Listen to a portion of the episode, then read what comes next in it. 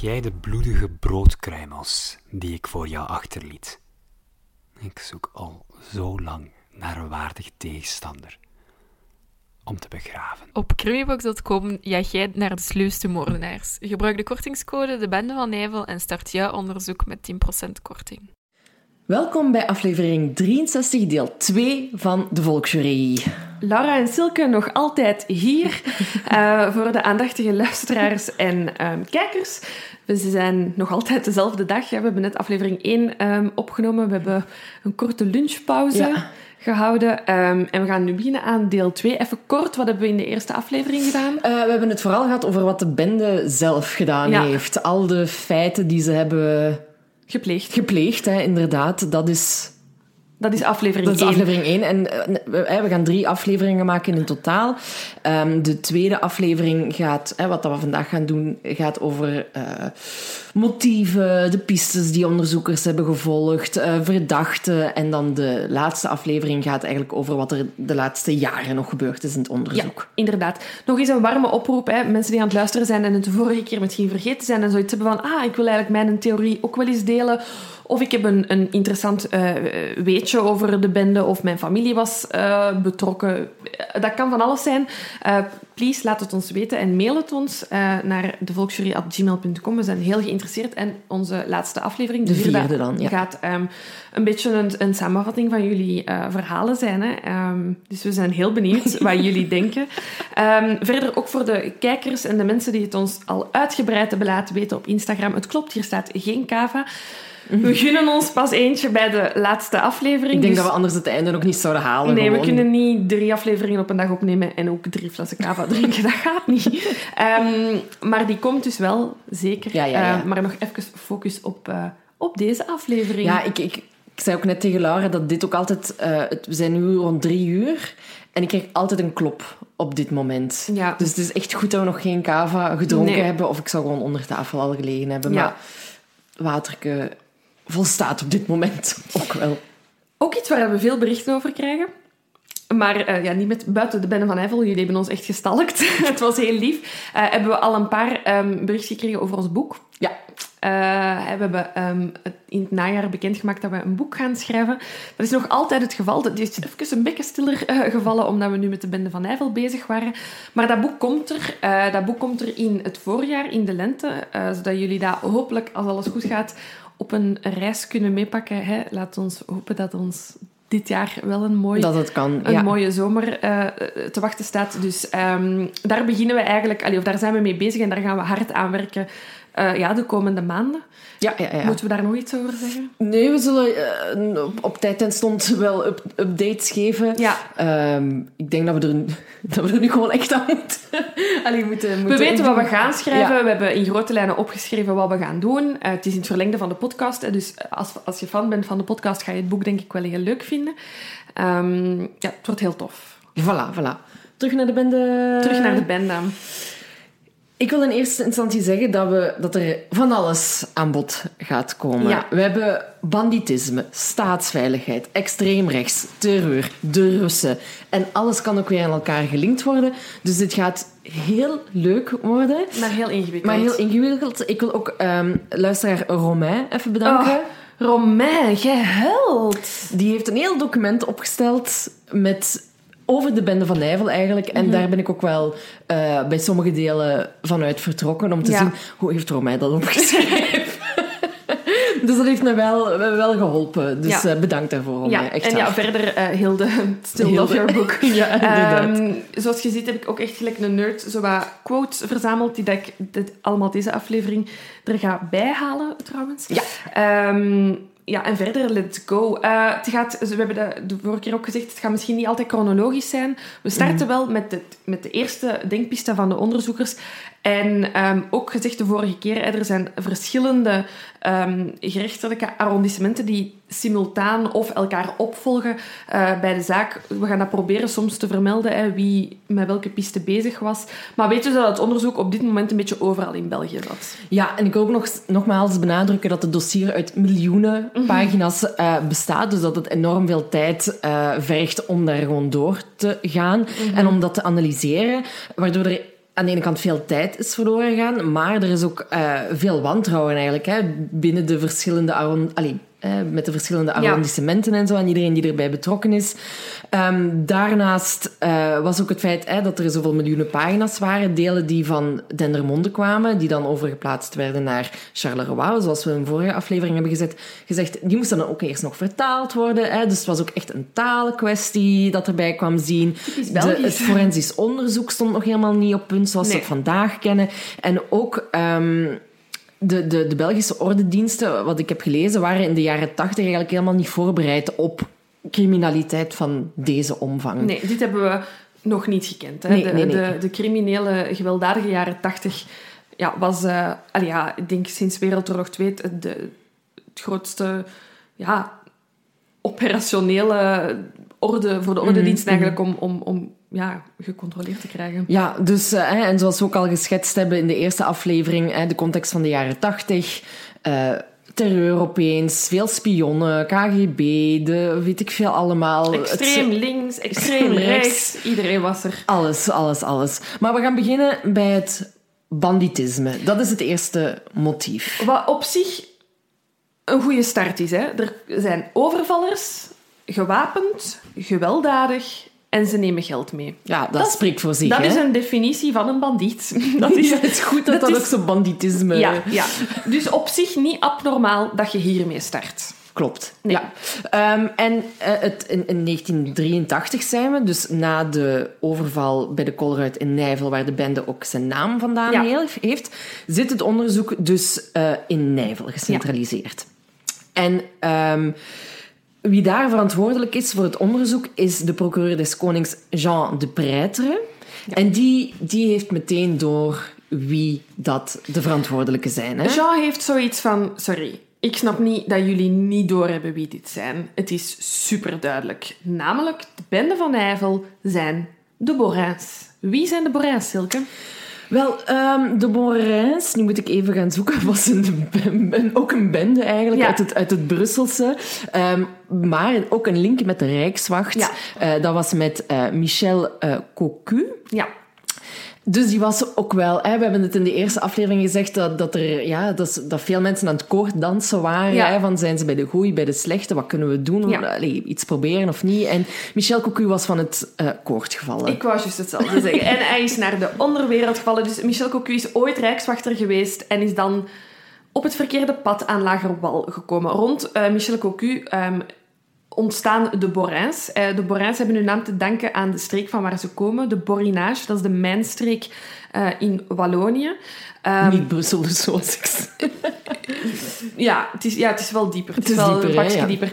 En ehm, ja, dit is een streek, de, de, de mijnstreek, die heeft net zoals in, in Limburg rond Genk, ehm, op het moment dat de mijnen zijn gesloten, een enorme terugval gekend. Hè. Heel veel armoede, heel veel mensen ja, die de eindjes niet aan elkaar konden knopen. Uiteraard lokt zo'n, zoiets criminaliteit uit. En dus rond de figuur van Michel Cocu beginnen zich kleine criminelen te vormen. ehm, en zo krijgen ze eigenlijk de, de bende van de Borins. Ja, en Jean de Preitre die zegt eigenlijk... De bende, dat zijn roofdieren die met hun geld naar de hoeren wilden gaan. Dus voor hem zit er geen ander motief aan waar dat we het later nog over gaan hebben. Het zijn gewoon pure bandieten die voor het, eh, ja, voor het geld eigenlijk gaan. Hè. Ja. Ehm, nu, wat... Ja, er komt wel bewijs volgens Jean de Ja. Preitre. Eh, Ja, hij is- verzint dit niet. Het is niet dat Nee, hij nee, nee. zomaar iemand pikt of zo. er, er is ballistisch onderzoek gedaan door een zekere Claude Derry. Ja. Maar daar moeten we ook wel meteen bij zeggen dat het niet helemaal duidelijk is of die man daar ook wel gekwalificeerd voor was. Nee, wat wel opmerkelijk is, want ik ben, eh, dus ik ben elke naam, dit is mijn namenlijst, eh, elke naam gaan opzoeken. En eh, inderdaad, eh, Claude Dery heeft het ballistisch onderzoek gedaan. En heeft in de jaren 80 voor meer dan 1400 strafzaken ballistisch onderzoek gedaan. Dus iedereen weet dat hij niet super goed is. en toch zijn er 1400 strafzaken die hij heeft onderzocht. Sorry, wou ik even meegeven. Ja, dus dat zegt ook alweer iets. Ja. Hè? Ehm, en dat, dat ballistisch bewijs is eigenlijk de Sturmruger revolver, voor als het iemand iets zou zeggen. Ja. Ehm, en die behoort tot Michel Cocu. Ja. Ehm, maar Claude Dery, de, de onderzoeker, die zegt dat het wapen voor 99% zeker was gebruikt bij de overvallen van begin 1983 Ja. op de Colruyt in Halle en Jeanval. Ja, dus eh, Michel, eh, Michel Cocu is ehm, samen met zijn bende ergens in 83 gearresteerd ehm, bij een andere overval. Hij heeft dan dat wapen op zak, hè, die Sturm Ruger. Ehm, en we merken, en dat is iets wat dat, ehm, Jean de Pretter, maar ook later heel veel onderzoekers gaan doen, die focussen zich op dat ballistisch onderzoek. Want dat is iets dat ze op dat moment in de jaren 80 beheersen. hè. Vingerafdrukken, dat is iets dat bestaat, maar er is nog geen grote databank. DNA, daar is nog geen sprake van. En ja, getuigen, dat weten we, dat is heel beïnvloedbaar. Dus dat ballistisch onderzoek is iets waar dat ze zich in de jaren 80 bij politieonderzoek gewoon sowieso op smijten. En effectief, Claude Dory zegt, die Sturmruger is gebruikt 99% zeker in Halle en in Jeanval. Ja, voor Jean de Pretre is het afgelopen. Dit is voor hem Ja. voldoende bewijs. En dus de mensen die in de bende van de Borain zitten, worden allemaal gearresteerd, ondervraagd en vastgezet. Ja, maar ik, ik wil ook nog zeggen dat het onderzoek eigenlijk al meteen ontspoort. Hè, Ja, onder ja, het is- leiding van ja, de Pretre. Ehm, want ze hebben de Saab, Ja. de Saab 900 Turbo, die, die ze hebben gebruikt in Nijvel. Mhm. Ehm, en die, die teruggevonden is geweest. Mhm. Ehm, die werd eigenlijk eh, op bevel van de Pretre als schroot verkocht. Ja. Nog voor er een vingerafdruk was genomen, nog voor er een haartje, een huidschilfer uit de auto was veiliggesteld voor onderzoek. Oké, je kunt claimen van DNA was er op dat moment niet, geen sprake, maar als onderzoeker... Je weet dat mensen daar wel al mee bezig zijn. Inderdaad. En hetzelfde lot was de Santana beschoren. Ja, hij doet het dus niet één keer, maar twee keer. Gewoon twee wagens Nee. van de bende van Nijvel, hup, naar de schroothoop. Dus, maar toch... En wat ook opvallend is, eigenlijk, is dat... eh, hè, dit is in 1983 en Jean de Preiter zegt, zegt eh, zes weken voordat het juwelierskoppel... Jean Sus Muziek, excuses... ehm, Wacht, waar heb ik dat? Ik wil dat hier... Ja, Sis Muziek. eh, overvallen zijn met de twee tienerdochters. Dus zes weken Daarvoor. daarvoor zegt hij van... Ik weet wie het gedaan heeft. Ja, Wat ook opvallend is. heel opvallend. Ja. En, en, en je zou nog kunnen zeggen, oké, op dat moment zijn er geen feiten aan het gebeuren. Maar dus die Borains zitten vast, dat onderzoek wordt gevoerd en de bende gaat door. Inderdaad. Dat inderdaad, Hè, ja. Dus het juwelierskoppel wordt overvallen, maar Jean de Preiter geeft geen krimp. Hij zegt, nee. Nee. ik ben er zeker van. Het onderzoek blijft doorgaan. De nieuwe overvallen van 1985 gaan van start. Jean de Preiter zegt, nee, nee, ik ben echt zeker. Dit is de bende van Nijvel. En die Ja. andere, dat zal wel iemand anders zijn. Ja, want ze worden pas in eh 88 Ja. voor het Hof van Assise gebracht. Ja, onder- Dus die, die feiten zijn nog gebeurd en de pleiter weet dat. Ja, tijdens de hele tweede golf van de bende van Nijvel. Oh my god, de tweede golf. Sorry, nu ben ik echt... Is de corona, de bende. Eh, dus tijdens de hele tweede golf, ik ga het gewoon blijven gebruiken, van de bende van Nijvel, ehm, zitten die Borijns allemaal in voorlopige hechtenis, worden die ondervraagd. Kijk, ik ga het woord gebruiken. Jean de Preiter heeft last van een tunnelvisie. inderdaad, inderdaad. Ehm, en ja, die worden dus voor het Hof van Assise gebracht. ja, hè? ja, want hij heeft zoiets van, nee, kijk, dit is de Dit bende. gaat gewoon door. Ja. Ehm, maar ze worden, er wordt hen slechts een vijftal feiten uit 1983 ten laste gelegd. Hè. Voor andere gewelddadige overvallen is er echt geen bewijs. Nee. Dus ze worden niet per se ehm, feiten van de bende van Nijvel Van, ten de laste ter- ja, het ding is ook, ik vraag mij af in hoeverre dat tijdens de jaren tachtig de bende van Nijvel al een begrip was. Ja. Ehm, maar inderdaad, hij zegt voor de reeks overvallen, waar, hè, dus waaronder de, de overval in Nijvel en, eh, nee, ja, en ook in Halle, Ja. Ehm, dat zijn zij, ik ben er zeker van. Dat proces gaat van start en Hmm. ineens, uit een schuif, een donkere schuif bij justitie, komt er een ballistisch verslag uit Duitsland. Want wat blijkt, was het Claude Derry zelf, waren het andere speurders. In ieder geval iemand dat zegt van... Ik Klopt ben niet niet. zeker of dat de Claude dat goed heeft gedaan. En die stuurt die Sturm Ruger, hè, waarop eigenlijk de hele arrestatie van Cocu en zijn bende is gebaseerd, naar Duitsland voor een ballistisch onderzoek. Zij spreken ook van 99%. En zij zeggen, het is 99% zeker dat dit wapen niet gebruikt is voor deze overvallen. En bovendien blijkt Ja. dat de preitere dat onderzoek of dat ballistisch rapport heeft achtergehouden. Ja, hij wist van dat onderzoek. Hij wist ook dat zijn zaak ja, als een kaartenhuis in elkaar ging vallen als dat ging bovenkomen. Dus heeft hij dat diep in een schuif gestoken, Negen maanden lang. negen maanden lang. In die negen maanden zijn de bende van Hevel gewoon door Ja. aan het gaan met hun overvallen. En bovendien, wat blijkt ook, dat de bekentenissen die Cocu en zijn companen hebben Ja. afgelegd, er eigenlijk gekomen zijn na ongeoorloofde ondervragingen van 30 uur en meer. Dus lees folteringen. Ja, ja, ja. Dus hij, hij zegt bij, tijdens, ehm, tijdens de assisezaak, zegt hij, op een bepaald moment hebben mijn ondervragers me uitgekleed tot op mijn slip en me met handboeien vastgemaakt op een stoel. Als ik niet zei wat ze wilden horen, kreeg ik een trap tussen mijn benen. Maar in Nijvel wisten ze dat ze me niet echt in elkaar hoefden te slaan. Ze moesten me alleen maar lang genoeg ondervragen. Meestal duurde die verhoren 36 uur. Op het einde was ik bereid om eender wat te vertellen. Ik wilde dat ze me met rust lieten. Ja, zou niet... Ja, tuurlijk. In ieder geval, de hele bende heeft in totaal 36 keer bekend dat ze de bende van Hevel zijn.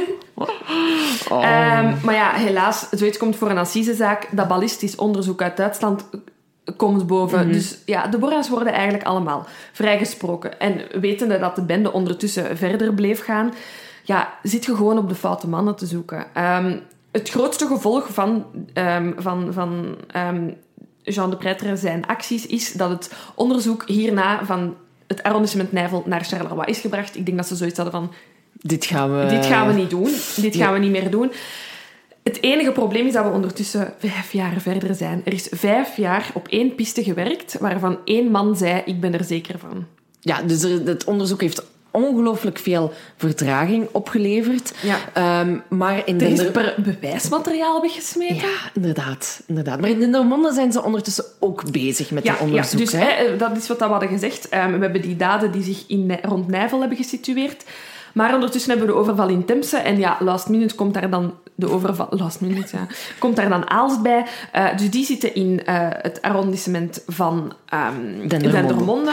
En eh, daar loopt dus een beetje simultaan een, ehm, een onderzoek. En de, de, het onderzoek daar wordt geleid door Freddy Trog. Ik heb die naam in de vorige aflevering al eens laten vallen. Dus in 1983 komt eh, die zaak van Temse, waar dat kogelvrije vesten worden gestolen en er uit het niks iemand wordt vermoord zonder reden, komt eigenlijk op Freddy Trog zijn eh, bureau terecht.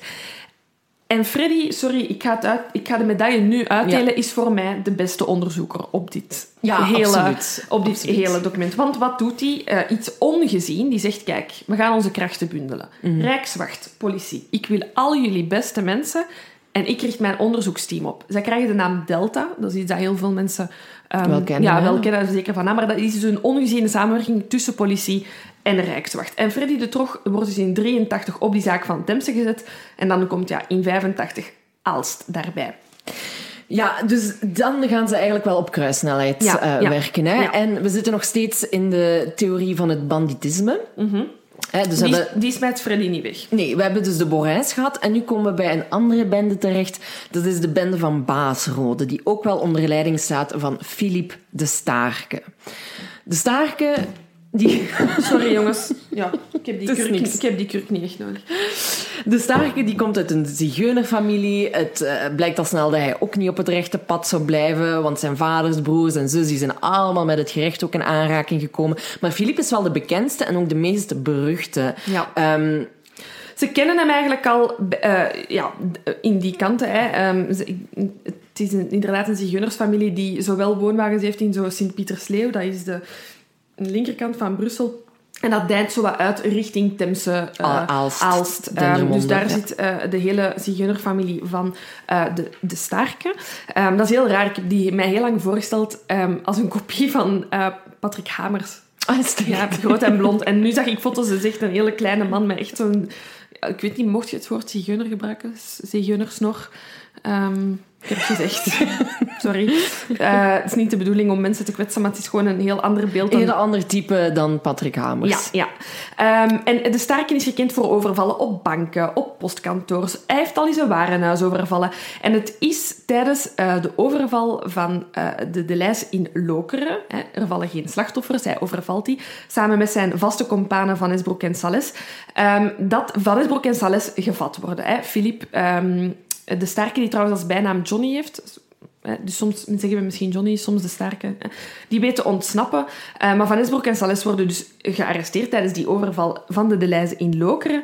Ehm, en die komt eigenlijk ook bij, bij eh, Freddy eh Trog terecht. En het is vooral in die BMW waarmee dat ze die de lijst van Lokeren hebben overvallen dat Freddy geïnteresseerd is. Want daar is... Ja, Iets mis mee. daar is iets mis mee. Er is geknoeid met het elektronisch contact van Ja. die wagen. En dat is blijkbaar op, exact, exact, exact, op exact dezelfde manier Mhm. gegaan als bij wagens die gelinkt kunnen worden aan de bende van Nijvel. Hè, bijvoorbeeld eh, de golf die in het eh, bos van Lausière is Ja. gevonden. Ehm, en ook de, bij de BMW van, van de Staarke Ja. bleek er ook met de achterbank Ja. iets gebeurd te zijn. Er Ja. was een gat in ingemaakt, ook opnieuw om dus ja, door die achterbank eh, ook vuur, eh, Mhm. allee, mensen ehm, te kunnen eh, eh, neerschieten. En Eigenlijk. in de BMW werden ook sporen aangetroffen van eh, een riot gun, het Mhm. favoriete wapen van de bende van Nijvel. En ehm, ja, dus ik snap dat Ja. alle ogen nu richting de bende van Baasrode gaan. Ja, en, en, en, en Freddy Trog, echt waar, hij doet zo zijn best. Hij zoekt zoveel mogelijk linken. Ehm, maar het probleem is dat Filip de Sterke alibis kan voorleggen voor verschillende zaken. Ehm, dus het is heel moeilijk. De- Freddy weet, ik moet hier ofwel wapens vinden die gelinkt kunnen worden, of ehm, ik moet eh, een alibi hebben dat niet klopt, of ik moet getuigen hebben. Ja. Ehm, maar in eerste instantie lukt dat niet. Maar volgens elke enkele verklaringen, zo komt eh, Freddy de Trog te weten, dumpt de familie de Staarke, Ja. dus, want het zijn allemaal criminelen, vaak spullen die ze niet meer nodig hebben in het kanaal van Brussel-Charleroi. Ja. Daar hebben we het in de eerste aflevering al over Ja. gehad, dat daar getuigen hebben gezien hoe mannen na, na de Aalst, aanval ja. in Aalst daar zakken hebben gedumpt. Ja. Dus, eh, Ja, dus Freddy heeft zoiets van... Ik ga daar toch naar zoeken. Maar, wat blijkt? Ja, wat- Er, is, er is al door eh, het andere team dat dan simultaan tegelijkertijd... Het Van team Nijvel. van Nijvel, eh, die zeggen... Oh, sorry, daar moeten we niet gaan zoeken. Wij zijn daar al geweest, niks gevonden. Eh, doe, Ze, doe- ze hebben alleen op de, op de oever dingen Ja. gevonden. Ze hebben Ja. daar Legia-munitie, een label gevonden, een wat touw en een kolf. Ja, maar geen wapens. Dus die hebben zoiets van, doe geen moeite. Hè? Maar bedoel, we zijn 1986, we zijn na Aalst. Het begint te dringen. Freddy dus- heeft zoiets van, gasten, dit is wel bij mij gebeurd, Ja. dus eh, ik wil hier alles aan doen. Ja, dus wat zegt Freddy? Oké, ik ga daar toch een duikersteam op zetten. En dus op een schone dag, om acht uur s ochtends, gaan er twee duikers in het water. En die halen, als bij wonder, twee goed gevulde zakken vol wapens, kogelvrije vesten, alles wat je moet hebben.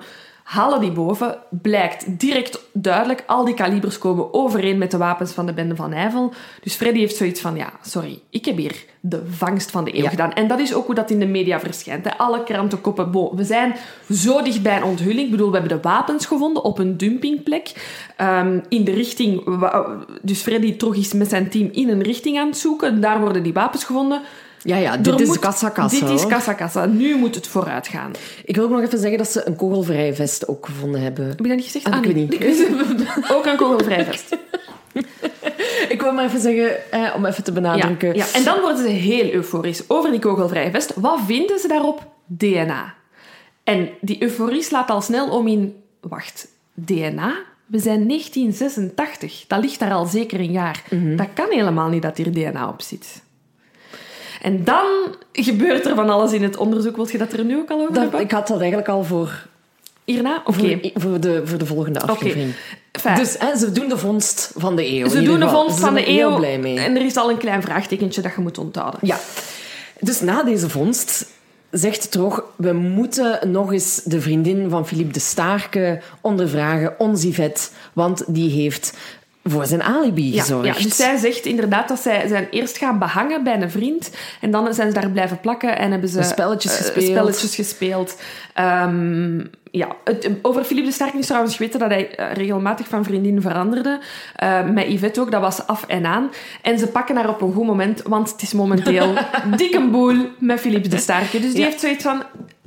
Fuck you, Philippe. Nee, het is waar, de alibi. Dat is niks van aan. Nee, inderdaad. En de zoon, allee, de, de, de gast met wie hij heeft zitten kaarten en zo, bevestigt ook dat Philippe de Staarke op het moment van de overval in Aalst niet bij hem was. Nee. En Yvette heeft zelfs nog meer te vertellen. Die zegt, nee, dat is waar, de alibi is verzongen. En zal ik nog iets anders zeggen? De dag van de aanslag van Aalst ben ik met Philippe de Staarke en mijn dochter boodschappen gaan doen in Aalst. Voor alle duidelijkheid, ons Yvette woont tegen Brussel. Je moet niet naar Aalst rijden voor naar de lijst te gaan. Er zijn er meerdere hè? rond ja, ja. Brussel, dat hebben we vorige aflevering gezien. Dus dat is heel raar. Philippe zegt niks van aan. Speurders geven niet op en dan gebeurt er een heel bijzondere reconstructie in de, de lijst Ja. van Aalst. Dus, Ik heb, ik heb de indruk dat jij iets wilt voorlezen. sorry, ja, ik- dit is nummer één van de vele. Dus, er wordt een reconstructie gedaan in Aalst met Yvette en het dochtertje. Het dochtertje van Yvette wordt naar de, de lijst van Aalst gebracht voor een reconstructie. Het meisje gaat spontaan naar het rek met de stripalbums, waar dat ze dan ook over spreekt, maar ze vindt dat niet. De bedrijfsleider zei dat de winkel ondertussen veranderd was en dat het kind gelijk had. Daar hebben de strips gestaan op het moment dat ze waarschijnlijk in de, de lijst was geweest. De cel Waals-Brabant heeft zoiets van... "Hm, Zijt je wel zeker? Ik bedoel, zijn niet alle Delijzes ongeveer hetzelfde ingericht? Ja, zegt Willy, de veiligheidschef van de Delijs. Ze zijn allemaal opgebouwd volgens hetzelfde patroon, maar afhankelijk van de lokale situatie wordt de module aangepast. Aalst was een zeer bijzonder geval, omdat het filia- filiaal uitgeeft langs twee kanten. Er zijn langs twee kanten kassas. De Delijs was opgebouwd volgens een totaal andere module. Dus dat kindje, dat op dat moment ja, echt nog een kleuter was, gaat tijdens die reconstructie onmiddellijk naar de rayon van de strips. Zegt ook dat ze daar naar op zoek is, vindt dat niet, maar dat kan gewoon kloppen. Die de lijst is helemaal omgebouwd. Dus Ja, ja. het feit is dat dat kind sowieso in die de lijst is geweest. Is dat op die dag? Dat weten we natuurlijk niet. Maar het spreekt niet in het eh, voordeel het is van Philippe, niet in zijn voordeel. Nee, nee, nee. Dus in, zijn ondertussen weer een jaar verder, in 87, d- zorgt Freddy Trog ervoor, de onderzoeksrechter, dat twintig leden van de bende van Baasrode eh, moeten verschijnen voor de correctionele rechtbank. Dat is niet voor feiten van de bende van Nijvel, Nee. maar voor andere eh, feiten die ze gepleegd hebben. Ja. Eh, 20 hold-ups, 79 diefstal en 23 andere criminele feiten. Niet gelinkt aan de bende van Nee, Nijvel. wat ook wel eh, te vermelden waard is, is dat bij die misdaden er amper geweld eh, werd gebruikt. Dus eh, de zaken waar dat de bende van Baasrode voor moet verschijnen, gebeuren vrij geweldloos. Eh, er zijn altijd wapens aanwezig, maar er zijn denk ik op dat moment geen doden gevallen. Nee, klopt. Voor zover ik Ja, ook. Ehm, en Fi- Philippe de Staarke wordt dan veroordeeld door, tot 20 jaar cel. En Freddy Trog denkt, oké, hier moet ik moet gebruik ik van doen, maken. ja. Nu moet ik hem pushen. Ehm, want hij stelt Philippe de Staarke ook een beschuldiging eh, voor eh, de feiten in Aalst. Hij hoopt van, van de Staarkes zijn verslagenheid te kunnen profiteren om, iets uit hem los te krijgen. Maar Philippe de Staarke blijft zwijgen. Ja. Dus ja, de Deltacel die, die blijven onderzoeken. Hè? Ja. Eh, want ze, allee, ze, ze hebben hem wel in beschuldiging gesteld, Philippe de Ja. Starke, maar er, was nog, er waren nog heel veel elementen die ontbraken. Ja, Hè? Ze hadden ah ja, DNA, oké, maar daar konden ze op dat moment nog niks mee doen. Ze hadden geen vingerafdrukken, geen moordwapens en laat staan een bekentenis. Nee, een bekentenis hebben ze niet. Ze hebben ondertussen wel een hele hoop getuigen. Die dat Philippe zouden herkend hebben. En ik heb er eentje, sorry, ik, heb, ik ga het al even schetsen. Dit is echt een van mijn favoriete pistes, dus ik ben Ja, er echt los in gegaan. Ehm, dus weer uit het boek van Hilde Geens is er één, op, he- één heel opmerkelijke getuige. Eén van de getuigen was speciaal. Begin 89 kwam boven water dat iemand tijdens de reet van Aalst de woorden in het manouche zou hebben opgevangen. Ik hoop dat ik dit juist zeg. Te dap termune boye. Of toch iets in die aard. De speurders waren zeer geïntegreerd. Als die zin werd uitgesproken, dan hadden twee mensen elkaar tijdens de schietpartij herkend. Een manouche die kwam winkelen en een manouche die schoot. Een manouche is denk ik ehm, Een zi- een, een een zigeuner. zigeunerstrekking. Ja. Ik weet niet hoe dat je dat moet eh, zeggen. Dus wat doet het Delta-team? Die hebben die zin opgenomen op een bandrecorder en die gaan daarmee naar Hofstade, eh, waar dat er verschillende trailers staan, eh, op zoek naar een vertaling. Ze vinden iemand die bereid is om die te maken en die zegt, letterlijk komt het op, het, op dit neer, jij neukt de doden. En dat is zo wat de ergste beled- belediging die dat je kunt geven ehm, aan een eh zigeuner. Ehm, maar wie dat dan die zigeuner was die dat, die zin heeft gehoord of heeft uitgesproken tegen Philippe de Sterke, weten ze niet. Er is ehm Marie-Jeanne Kallebout. Zij is de vrouw van een van de bendeslachtoffers die zelf haar eigen onderzoek heeft gestart. Zij heeft ook een kopie van het volledige onderzoek. Er zijn regelmatig dingen kwijt geweest. En dan ging ze bij Marie Ja, terug om kopies te maken, omdat zij het volledige dossier wel nog heeft. Echt Stel je voor. Zij is dus gaan zoeken naar die zigeuner. En ze heeft dan die uiteindelijk gevonden.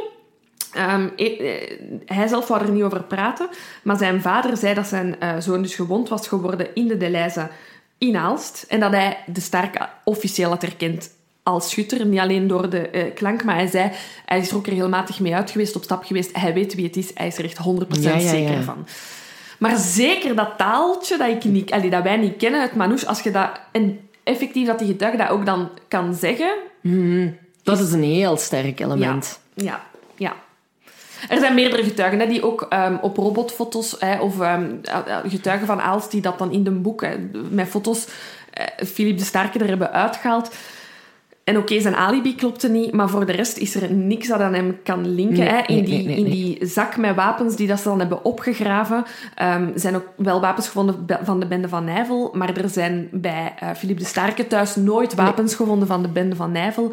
Dus er is eigenlijk, er zijn heel veel dingen die in zijn richting wijzen, maar er is niks dat hem echt aan de zaak kan linken. Nee, en dan raakt toch het onderzoek kwijt. Ja, ook op, op een heel sluwe manier van Philips de Starke. Hè. Sorry, ik heb er nog echt een hele hoop. Ehm, maar Philippe de Starke zit vast, zit, wordt lang vastgehouden. Er is 20 jaar, heel hè? weinig tegen hem. Ehm, wacht, hè. Wat ga ik nu eerst doen? Sorry, hè, jongens. Ah ja, en Philippe, dus, eh, Philippe de Trog is, is... Ja, ik weet waar, waar ik ben. Dus hij heeft eigenlijk niks tegen hem. En hij heeft zoiets van... Oké, maar er zijn mensen die Philippe de Sterke beter kennen dan ik. En hij gaat langs bij ehm, het arrondissement eh, Halle, hè, waar dat Philippe de Sterke zijn staankaravan staan, waar dat eerdere misdaden van hem berecht zijn geweest. En daar ehm, zegt hij van... Ja, daar, daar, daar doet... Ik zeg ook altijd Philippe de Trog, maar Ja, het is het Freddy, Freddy de gehoord. Trog. Sorry, Freddy, het spijt me. Ehm, en hij, hij ondervraagt daar ook de collega's van Halle. En daar is er echt een, een, een verdeeldheid. De helft zegt 100% zeker. Hij heeft er iets mee te maken. En anderzijds zeggen mensen, ja, pas op. Ik ben niet zo zeker. De, eh, de overvallen die dat, ehm, de Starke deed hè, met zijn bende waren veel, professioneel, eh, veel minder professioneel dan de band van Nijvel. Ja, ja, ja. Die werden veel meer gevat. Of het was altijd... Amateuristischer. of, ja, of- En, en, en ik ben niet zeker Maar hij zou misschien niet op het idee volgens die mensen zijn gekomen om eh, de achterbank er helemaal uit te halen en met de koffer open Nee, nee, weg nee. te rijden. En dan is er natuurlijk ook gewoon alibi voor de helft van de zaken. Ja. hele eerste periode, 82, drie- eh, 82, 83, heeft Philippe de Starke gewoon in de gevangenis gezeten, in voorarrest. En, en, en degene waar dat ze dan denken, hè, dus de... de ehm, wacht, hè, moet ik even zien. Bla, bla, bla, Sorry jongens, ik ben even iets aan het checken. Ja, dus er is één eh, eh, overval waarvan dat ze denken dat hij het wel zou kunnen hebben gedaan. Maar het, dat is de ongelooflijke moment dat Philippe de Sterke in de gevangenis zit. Die nacht ontsnapt. Ja, en diezelfde nacht gebeurt er een overval van de bende van Nijvel. En dus dat is ook weer iets dat onderzoekers zich afvragen van... Doet je dat echt? Ontsnapt je uit de gevangenis en overvalt je binnen het uur? Ja. Ja, dat doet je? Oké. Ik denk dat wel hoor. Ik denk dat je, Ja, dat je dat als je bandiet gewoon denkt van oké, ik ben buiten en ik ga nu doen wat ik altijd doe. Mensen overvallen. Maar ja, maar je bent net ontsnapt met veel uit de gevangenis. In Bergen. En dan rijd je helemaal naar ergens anders om een overval te doen. Ja, maar misschien dat, dat, dat ze klaar stonden, hè, dat ze zeiden van eh, als Philippe Je gaat wel moeten werken. Ja, maar ik wil maar zeggen, ik denk niet dat dat zo vreemd is, omdat dat gewoon zijn leven is. ja, Die overvallen ja. plegen. Ja. Dat ik snap dat ze die bedenking maken, Ja. dat hij het wel eens zou geweest kunnen zijn bij die Ja. overval. Oké. Jij zit daar een andere Ja, mening ik vind gewoon... de- allee, de- Dat vind ik iets dat in zijn voordeel spreekt, is dat hij gewoon heel veel alibis heeft. Hè. Ehm, er is voor een uitzonderlijk alibi gekomen de- die achterbank van die een rode eh, Golf. Volkswagen Golf. Dus eh, hij is lang verdacht geweest van die overval eh, van de lijst van Beersel. Hij was vrij op dat moment. Waar, was, waar ze die achterbank hebben ja, gevonden. waar hè? ze die achterbank hebben gevonden. Ehm, maar dus tot die achterbank niet gevonden was, dachten ze, ja, Philippe de Sterke kan hier iets mee te maken hebben. Maar die achterbank komt van een Golf Volkswagen bij Van Kamp. En op dat moment zat Philippe wel in de gevangenis. Ja. Dus het feit dat die werd gevonden en die twee zaken aan elkaar werden gelinkt, zorgde ervoor dat de onderzoekers weer zoiets hadden van, ah ja, maar toen was hij in de gevangenis, Ja. dus hij kon die Golf niet hebben gestolen. Dus is hij dan... bij die overvalbende. Ja, ja, ja. ja. Enfin, in ieder geval, de, sch- de, de cel Delta is blijven zoeken op die Philips de Starke-piste. Ze hebben alle mogelijke manieren gezocht. Hè. Ze hebben geprobeerd om wapens aan hem te linken, DNA, maar dat lukte niet. En uiteindelijk heeft dan de cel Waals-Brabant In Charleroi. in Charleroi het onderzoek overgenomen. En dan doet Philips de Starke het meest zotte wat ik in mijn leven al heb gehoord. Ja, inderdaad. Hij, ehm, hij stuurt een, op 13 maart 91 zijn we ondertussen. Stuurt hij een brief aan het weekblad Panorama, waarin hij bevestigt dat hij dus medeplichtig was aan de drie belangrijkste aanslagen van de Bende van Nijvel. Ja. Hè? Dus dat zijn die van 1985, Ja. Overijse, Eigenbrakel en Aalst. Nu, opvallend is dat hij van de eerste twee niet verdacht werd. Nee, nee. En van de derde werd hij op dat moment ook niet meer beschuldigd. Nee, nee, nee. Dus het is raar dat hij daar dan toch hè, mee naar buiten komt. Maar hij is slimmer dan we denken, want hij heeft een hele goede reden waarom dat hij dit doet. Het onderzoek is net... Ja, van, ja, ja, ja. van- dus dus, dus Freddy, Freddy toch is dat onderzoek net kwijtgeraakt. Hè, want zo voelde het wel. Hè. Delta had Ja. echt zoiets van... Als we nog tien maanden langer poken, gaan we Philips de Starke wel kunnen linken. Gaat het lukken? We zijn er bijna. Dat onderzoek wordt overgebracht naar de cel Waals-Brabant. Die zitten nog te vertalen, hè, want Ja, we ja, zijn van. Dendermonde naar Charleroi gegaan. Hij doet die bekentenis. Waarom? Omdat hij gewoon voor de rechter wil komen. Hij is het beu. Ja. De- hij is op dat moment de enige die officieel in verdenking wordt gesteld als bendelid. En door die, die, die getuigenis eigenlijk moeten ze hem bijna ja, voor de rechtbank slepen. Ja, want hij heeft het twee weken later, nadat hij die brief aan Panorama heeft gestuurd, heeft hem het ook nog eens in een brief bekend aan de onderzoeksrechter Ja. in Charleroi. Ja. En dat was eigenlijk inderdaad om, om ervoor te zorgen dat hij vrijgepleit Ja, kon worden. zij- hij Ja. wist van, die zijn niet voorbereid. Die kennen het dossier niet zo goed als Freddy Trog. Ik moet nu er gebruik van maken, want de wet in België stelt... En ik wist dat ook niet, maar wij zijn een van de enigste Europese landen... Het is gek, en, en het is ook gek dat Philips de Starke, of zijn advocaat, ik weet het niet, maar daar zo bewust mee bezig was. Eenmaal je voor een zaak voor het gerecht komt en er is een uitspraak, dus onschuldig, kun je nooit meer voor dezelfde feiten veroordeeld worden. Dus ik denk dat Philips de Starke op dat moment zijn momentum zag. En hij dacht, ik moet nu die onderzoekers pakken die zich net aan het inwerken zijn. Die gaan niet genoeg bewijslast hebben. Ik ga worden vrijgesproken. En dan ben ik vrij. Ja, maar hij wordt niet... Wordt hij vrijgesproken? Want hij is wel heel lang nog in vervolgs... Nee, hij- eh, nee uiteindelijk eh, dus, eh, komt het niet tot een rechtszaak. Ja. Eh, Ze halen hem dan inderdaad voor de onderzoeksrechter ehm, en hij voelt dat er inderdaad geen proces in zit. En dan zegt hij, ja, ik wou jullie gewoon uit jullie tent lokken, ik heb er niks mee te Dat is maken. Ja, ehm, dus hij trekt zijn getuigenis in en het zal uiteindelijk tot 2000 en iets zijn dat hij... Ehm, dacht ik. Ja, Ja. zoiets. Dat hij eigenlijk officieel in, ah, in verdenking wordt gehouden. Ja, ja, ja. En dan op het moment dat, de, dat, de, dat hij uit verdenking wordt gesteld, is het zelfs het Europees Hof dat ermee gemoeid is, die zoiets hebben van, sorry, sinds 1985 wordt die mens als enige, ver- want hij is de enige die officieel ooit in verdenking is gesteld. Ehm, het is goed, laat hem rust. Hij had Ja. er bijna een schadevergoeding voor gekregen. Inderdaad. Dus eigenlijk, het, het onderzoek naar, naar de staarken heeft eigenlijk ook heel lang stilgelegen. Ja, hè? ja. Ehm, terwijl dat hij dus in de cel zat. Ehm, en dan, ja... De conclusie voor mij, voor, voor de bende van Baasrode, is van... Er is te weinig voor een veroordeling, maar er is te veel om het sporen zomaar te laten vallen. Dat is ook wat Hilde zegt, denk Ja, ik. Hè? ja, Het, het is zo... Het is... Ik denk wel dat we hier een lid van de bende van Nijvel hebben.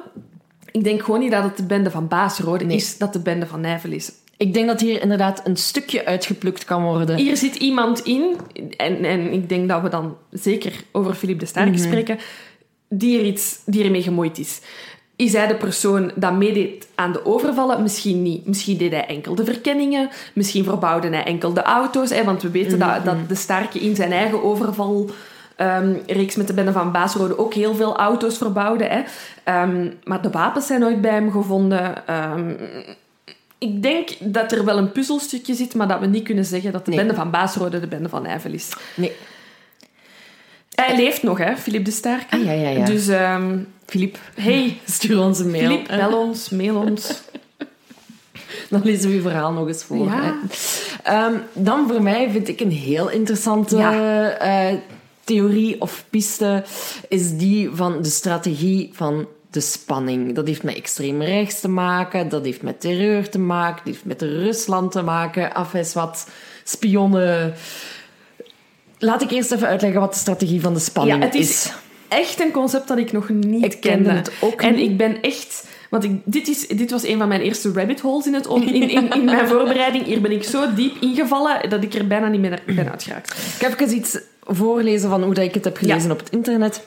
De strategie van de spanning is een manier om de publieke opinie te controleren en te manipuleren door gebruik te maken van angst, propaganda, desinformatie, psychologische oorlogsvoering, provocateurs en terroristische acties. En ehm, volgens een historicus is het een tactiek die het plegen van bomaanslagen omvat en de schuld aan anderen toeschrijven. Ja, dus het is, eh, de strategie van de spanning zorgt ervoor ehm, dat er genoeg angst wordt gecreëerd, waardoor dat je de macht die, in, in, die normaal verdeeld wordt over verschillende posities, je hebt eh, verschillende politieke strekkingen, je hebt verschillende meningen, maar dat door een, een gemeenschappelijke vijand, bij wijze van spreken, al alle angst over de hele lijn groeit en dat alle macht naar, van, van de marges uit naar het centrum wordt geduwd, omdat iedereen één vijand heeft en één oplossing ziet. Hè, en eh, angst wordt gecreëerd door terreur, hè, dus door inderdaad bijvoorbeeld een bomaanslag is automatisch de reactie van iedereen, dit moet worden opgelost. En de macht centraliseert zich rond de figuren die zeggen, wij gaan dat oplossen, meer politie op straat. En de angst die er toen heerste, was de angst voor het communisme. ja, Dat, hè, de Koude Oorlog, bang Ja. dat de Russen zouden invallen en zo. Dus de eerste theorie die ik binnen dit fenomeen wilde spreken, is die van de CIA en Gladio. ja, Want daar be- begint het eigenlijk mee. Als, Ja. we, als we de rest Ja. van wat er binnen deze theorie ja, eh, komt... bespreken.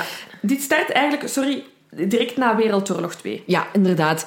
Ehm, dus de theorie is dat de Verenigde Staten en de CIA achter de bende van Nijvel zit. Daar gaan we komen. Daar gaan we komen. Ja, sorry. Maar na de Tweede Oorlog werden dus door eh, de, door de CIA hè, zogenaamde stay-behind groepen opgericht in Europa. ehm, die binnen de NAVO moesten waken over de Amerikaanse invloed in Europa, zodat die goed bewaard kon blijven en dat er geen communisme Ja. eh, aan te pas Ja. zou komen, dat die geen voet aan de grond Dus zouden eh, we krijgen. hebben Wereldoorlog 2. De nazi's hebben eh, ver- het verloren van de geallieerden. En net op het einde hebben wij een soort van geallieerde eh, eh, bonding met Rusland gehad. Hè. Die hebben ons geholpen. Hè. Zij, hebben- zij hadden hun strijd tegen Nazi-Duitsland en wij de onze. Dus we hadden toen een gemeenschappelijke vijand. Amerika is ons dan, hè, de grote redder van Wereldoorlog 2, eh, die is ons komen helpen. En die had zoiets van, pas op. Ja, ja, ja. Die, die andere kant, die, dat is gevaarlijk.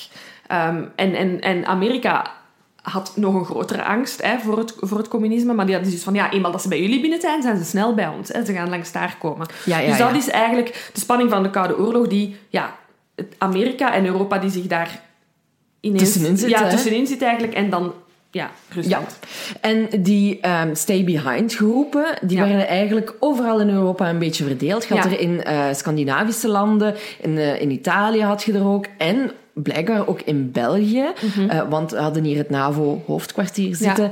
Ehm, en die stay-behind groepen kregen de Italiaanse naam Gladio, Ja. hè, wat zwaard eh, Ja. betekent. Ehm, en die Gladio-groeperingen Ja. moesten over heel Europa dus de strategie van de spanning implementeren. Hè? Dus Europa klaar krijgen of zodanig bang maken, zodat Europeanen zich klaar zouden maken voor de verwachte invasie van de Russen en het Ja, communisme. en dat als die dan eenmaal zouden binnenvallen, dat die gladiogroepen ehm ja, de strijd eigenlijk zouden kunnen opstarten. De, het- was militair geïnspireerd. Ze werden opgeleid in kampen. Ehm, ze werden, de mensen die deel ma- uitmaakten van die stay-behind-netwerken zijn ook te zoeken in ehm, ex-militaire... ehm, ah, het is echt in die context dat we moeten zoeken. En inderdaad, zij eh, waren ervan overtuigd dat er ooit de Russen gingen binnenvallen en, en, en dat we ja, onszelf moesten beschermen van het dramatische communisme dat dan dat met zich zou meebrengen. Ja, inderdaad. Maar wat opmerkelijk is aan die Gladio-netwerken, vooral hier in België, is dat dat supergeheim was. Zelfs premier Wilfried Martens destijds Ja. was niet op de hoogte van het bestaan van zo'n stay-behind-netwerk Ja. in België. Nee, we zijn ook we, we- zijn 99% zeker, maar er wordt nog altijd niet openlijk gesproken over die netwerken. Nee, hè. nee, nee, we weten dat dat in andere landen er is. Hè. In Italië is dat Ja. echt, echt naar buiten gekomen van dit is wat we hebben. Mhm. Wat dat heel moeilijk was, want hè, ehm, Italië was ook vrij fascistisch tijdens de Tweede Wereldoorlog. Ehm, maar eh, dus we hebben wel een vermoeden, maar het is niet dat er een namenlijst is gelekt van dit was Gladio in dat is België. altijd eh, geheim gehouden ja. geweest. Ja. Dan wil ik eigenlijk overgaan naar de link met België. Wat dat de CIA... Hè, wat, eh, dan gaan we eerder over naar de Westland New Post, Ja. denk ik, als we daar al eh, zijn. ja. Ehm, Geeft ze niet te veel eer. Nee, kijk, dus die, wat, wat dat ze denken met die Gladio-netwerken, jij hebt het al gezegd, is dat er, hè, dat, dat met ex-militairen te maken had, maar dat dat ook met extreem rechts Ja. eh, gelinkt zou kunnen worden. Ja. Ik ga even... Korte side note. Ik, ik, ik vond dit al heel moeilijk om te geloven. Ja, Ehm, ja, ja, Ik ja. had zoiets van... Oké, ja, dus er zijn extreem rechtse mensen die extreem links moeten buiten houden, want extreem links is dan gevaarlijker dan extreem Ja. rechts, of hoe zit dit juist? Ehm, ik heb dan naar een podcast geluisterd, ehm, wat dat dan eigenlijk gewoon een... Een, allee, gewoon een les was van een, van een professor aan de universiteit, een gastcollege denk ik, dat was opgenomen. En die vertelt ook over die stay-behind-netwerken. Dus ik ben daarnaar aan het luisteren. En ineens zegt hij, ja, want eh, we weten bijvoorbeeld ook dat de Duitse staat Veiligheid is opgericht door eh, de CIA, die nazi's van hun proces in Nuremberg is gaan halen om daar dan de Duitse staatsveiligheid op te richten. Dus ik had zoiets van, sorry, dit kan echt niet. Geloof ik niks van. Dus ik heb weer de hulplijn van eh, mijn broer, die geschiedenis heeft gestudeerd, ingeschakeld. En die zo, ja, dat is 100% waar, dat is ook geweten. Dus het ik, geloof, ik vond het heel moeilijk om te geloven dat CIA, maar ook onze ja, onderoverheid of staatsveiligheid, extreemrechtse mensen in dienst neemt voor de bescherming van uw land. Maar dat is blijkbaar dus wel Gebeurd. gebeurd. Voilà, dat wou ik gewoon even zeggen. Dus we zijn in 85. Ja. Hè? We zijn eh, de twee BOB'ers, dus hè, van de Rijkswacht, die schrijven als eerste aan de onderzoeksrechter in Nijvel dat de overvallen gelinkt zouden moeten worden aan geïnfiltreerde extreemrechtse militanten binnen de Rijkswacht, Ja. met het oog op het destabiliseren van West-Europese staten. Ja. Kort daarna worden die twee eh, Ontslagen. ontslagen en moeten die, worden van de zaak gehaald en worden die gedegra- gedegradeerd naar de verkeerspolitie. Oh, garam.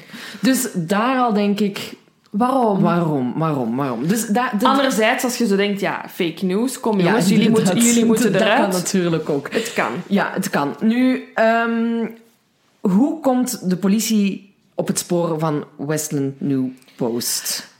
Ik heb zoveel problemen met mijn Westland New Post. en het begint eigenlijk al bij hun start. Of wanneer zij in beeld komen. Ja, zij ja, ja. wouden zo graag, zo graag aandacht. En die kregen ze niet. Dus zijn ze op de meest onnozele manier bekend geraakt. Ik denk echt, dus Westland New Post is zo'n extreem rechts militante groep die echt al twee jaar bestond, maar daar werd geen woord over gerept in de pers omdat er ook niks viel te vertellen. Nee, er nee. gebeurde eigenlijk niks bij Westland New Post op dat moment.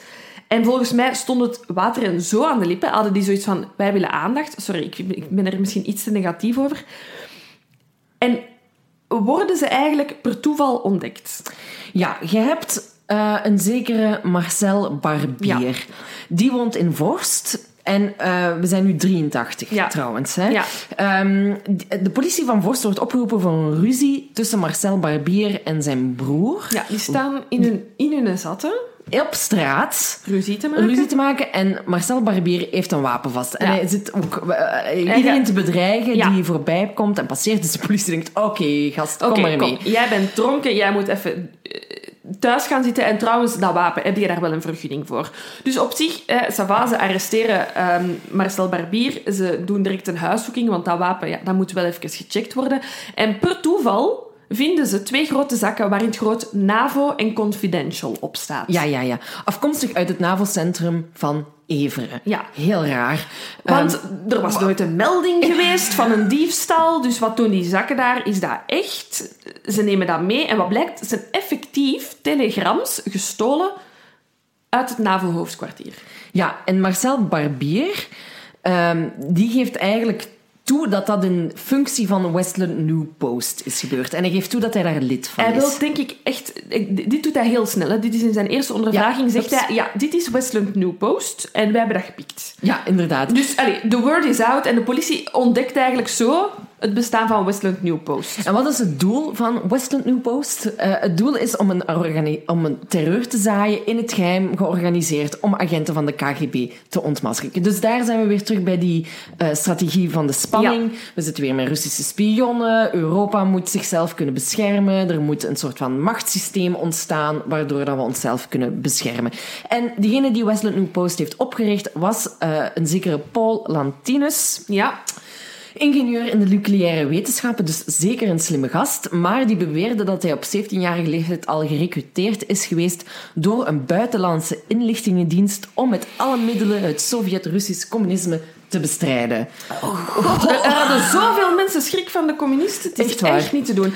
Ehm, Marcel Barbier heeft dus heel snel die naam van Paul Latinus laten vullen. Dus die wordt dan ook maar even opgeroepen. En hij zegt ook aan Michel Libert, die hoort ook bij onze groep, die ondervraagt die ook maar eens. Allemaal babbelen ze heel veel tijdens hun En ondervragingen. wat blijkt? Paul Lantinus had de opdracht gegeven aan Ja. Marcel Barbier en Michel Libert om te babbelen, zodat ze eindelijk eens een keer in het nieuws zouden Het komen. was even... Dus, dus en Michel Libert en Paul Latinus en Marcel, die zitten daar de, alles hebben ze te vertellen. Paul Latinus die zegt... ehm, nee, wacht. Hè. Eerste Michel. Michel babbelt ook graag, heb ik opgeschreven. hij vertelt dat hij in contact is met Le Canard. Dat is eh, namelijk de commissaris die aan het hoofd staat van Staatsveiligheid. Die is zijn bijnaam. Hij zegt, ik ken die goed. Staatsveiligheid en wij, dat is eh, twee handen op één buik. Eh, wij infiltreren eigenlijk bij hen en zij denken dat ze bij ons aan het infiltreren zijn. Maar eigenlijk is het omgekeerd. Dus dat weten we niet wie dat bij wie nu aan het infiltreren was. Maar in ieder geval, ze kennen elkaar goed. Michel Libert spreekt ook uit het niks. En dat is hoe dat de Bende van Eyvel, denk ik, er ook een beetje bij betrokken is. Over eh, dat zij als Westland New Post heel vaak op verkenning zijn moeten gaan in grootwarenhuizen. Hij heeft niks te maken met die overvallen, maar hij is wel regelmatig een keer gaan scouten in, in de... opdracht van een onbekende naam die hij niet wil vrijgeven. Nee, dat zegt Maar- hem dan niet. Maar de link kan dan snel gelegd worden van, ah, misschien was het dan toch één, staatsveiligheid, of twee, de CIA, hè, Ja. waardoor Ja. dat, hè, dat, dus dat Westland New Post de opdracht kreeg Ja. van de CIA om, eh, als ik dat goed heb, Ja. eh, die warenhuizen te gaan overvallen. Paul Latinus is echt de stouterik van de groep, want die, die wordt dan ook ondervraagd en die begint dan ook uit het niks over een moord. Een dubbele moord. Een moord in Anderlecht, in de Herdersliedstraat. En hij zegt, ah ja, die moord, jullie hebben daar nog niemand voor? Dat waren mensen van ons, hè. Marcel Barbier en Erik Lammers hebben die moord gepleegd. Dus ehm, ik ga niet te hard uitweiden, maar er is een rituele moord gebeurd in Anderlecht. Twee, eh, twee mensen... Een koppel, een jong koppel. Een jong koppel worden tegenover elkaar gekneveld en alle twee eh, langs achter afgemaakt met In een kogel. ja. Er wordt niks gestolen, ze vertrekken weer. En dus Paul Latinus, ook in die eerste ondervraging, zegt... Ah ja, Marcel Barbier, hè, die ene dat daar straks dronken op Met straat stond. Ja, dat, die heeft dat gedaan. En Erik Lammers, die hoort ook bij onze club, die heeft dat ook gedaan. Marcel Barbier gaat daar nog voor veroordeeld worden, terwijl hij dat altijd is blijven ontkennen. En Erik Lammers, eh, die gaat worden vrijgesproken. Enfin, die mannen zijn dus eigenlijk wat een dag bij de politie gearresteerd en alles komt uit. Alles komt Ja, uit. want zelfs ook die, die, die, die- waarom hadden ze die telexen van hè, de, de NAVO? Ja. Wat blijkt, Michel Libert is dat gaan stelen bij het NAVO-hoofdkwartier in opdracht van Paul Latinus, omdat ze wilden aantonen hoe slecht dat het beveiligingssysteem Ja. was daar. Ja. Ja, behoorlijk slecht, als u het mij vraagt. Want het is niet opgemerkt en het is gestolen geraakt. En ook, ehm, wat dat ik dan ook gelezen heb, is dat eh, Michel Libert op een gegeven moment, ah, eh, want hij wou dan naar buiten brengen dat hij die telexen had, Ehm, maar hij heeft dan een deel daarvan in brand gestoken of zo. Ehm, de politie en de brandweer zijn gekomen. Maar niemand heeft gezien dat daar die telexen met NAVO en Confidential op stonden. Dus toen dachten ze, ja, dan, dan, dan moeten we het maar gewoon bekennen hè, ja, dat we ja, het gedaan hebben. En dat is wat er hier is gebeurd. Ja, er hangt heel veel mystiek hè, rond die ehm, Westland New Post. Hè. De, de vier namen die dat we nu zo hebben genoemd, hè, dus Marcel Barbier, Michel Libert en Paul Latinus, dat weten we zeker dat die erin zaten. Erik Lammers zou inderdaad er ook bij betrokken zijn. Maar daar stopt het zo af. De- de- Ja, de, de, de, de groepering zou bestaan uit een vijftiental leden ja, die eh, ja, de commandotrainingen kregen in het Sonia-woud. ja, ja dat op, wel. En dat we zitten wel in, de juist, in het juiste gebied. Zelf zegt Paul Latinus dat er 140 leden of 150 leden waren. Maar dan denk ik dat we weer een beetje aan het fantaseren zijn. Ik heb nog even een fun fact over de naam Westland New Post. Ja, goeie fun fact. Dus uh, Westland New Post, allee, die naam zegt mij niks. Ik zou ook niet... Hè, Klinkt indrukwekkend. Klinkt hè? indruk- indrukwekkend, inderdaad. Maar de naam is ontstaan in het Anderlechtse café New Post. Mhm. En ehm, het is... Hè, dus de naam komt van het café waar dat ze gevormd zijn. Ehm, en het Westland Shopping Center lag ook in de buurt. Soms moet je het niet moeilijker maken dan dat is. Maar het klinkt goed, klinkt goed. Ja, maar die, dat is de hele vibe dat ik bij de Westland New Post maak. Soms, eh, maak. Sorry, soms moet je het niet moeilijker maken dan het is. En ik heb het gevoel dat zij er heel veel rondmaken. Maar het is allemaal gebakken lucht. Gebakken lucht, inderdaad. En, en zijn, zij, zijn zij effectief in connectie met staatsveiligheid? Er is nergens bewijs. Of met de CIA. Met de CIA, er is nergens bewijs. En ik heb ergens dan ehm, in het algemeen eigenlijk over die piste van de CIA en extreem rechts nog wel een interessant uh, spreekwoord slash uitleg gevonden. Namelijk, hè, als er twee honden vechten voor één been, wie gaat er dan lopen met het derde? Als Europa en Rusland zo bang zijn van elkaar, ging alle, allez, ging alle macht wel uiteindelijk naar Amerika. En, ah, ja, ja, ja. ja, ja dat dus, is dus creëert ik bedoel, misschien zijn... Allee, dat is dan hè, het idee erachter is dus dat de CIA tegen ons zei van pas op, hè, want Rusland gaat komen. Gecreëerd angst. En, en bij Rusland hebben ze ook zoiets van waarom zijn die zo, hebben die zoveel schrik van ons? En wij twee waren zo bezig met elkaar dat Amerika een enorme grootmacht is kunnen worden door eigenlijk angst te zaaien voor iets wat er niet was. Mm -hmm, Vond ik wel een heel interessante... Ja, maar ik vind, ja, zeker. Maar ik vind Westland New Post, ik vind dat zo wat ik vind het aandoenlijk Ik vind het aandoenlijk bijna. Ik, ik kan niet op de woord komen met dat, dat. Ja. En, maar het, het komt ook abrupt tot een einde. Hè? Het eindigt wel heel raar. In, in 84, dus dat is eigenlijk nog een jaar voordat de overvallen uh, in Eigenbrakel, Overijse en Aalst plaatsvinden. Hè? Want Paul Lantinus pleegt dan zelfmoord quote-unquote. Ja, um, dit is echt waar. Um, ik, ik, wil ook niet dat het een trigger is voor mensen, maar dit is moord. Dit is sowieso moord. Um, hij had zich blijkbaar opgehangen met een telefoondraad. Mm -hmm. Maar ze hebben dat dan onderzocht. En eigenlijk was de draad te lang om hem op te hangen, waardoor hij met zijn voeten gewoon op de grond kwam. Ten eerste, en ze hebben uh, Paul Latinus nooit gewogen, want hij is echt één dag na zijn zelfmoord hè, of moord dan um, verbrand, dus gecremeerd. Mhm. um, maar hij zou ook te zwaar zijn geweest om met één draad van de telefoondraad omhoog te zijn Mhm, gehangen. mhm, Dus hij moest sowieso ergens nog steunen op de grond. Ja, zo pleegt je geen zelfmoord. En het ding was, ehm, ja, hij had zijn Five Minutes of Fame met de Westland New Post Mhm, gehad. Ehm, en zijn vriendin zei ook dat hij heel erg gelukkig was op dat moment. Er is nooit een afscheidsbriefje gevonden. Ehm, dus er was geen reden om zijn eigen leven te ont- ontnemen. Ja, ja, ja. Hij had zelfs iets om zijn tweede keer Five Seconds of Fame te halen. en nu komen we eigenlijk, ik heb het hier opgeschreven, bij de heilige drievuldigheid van de misdaad in Ja. België.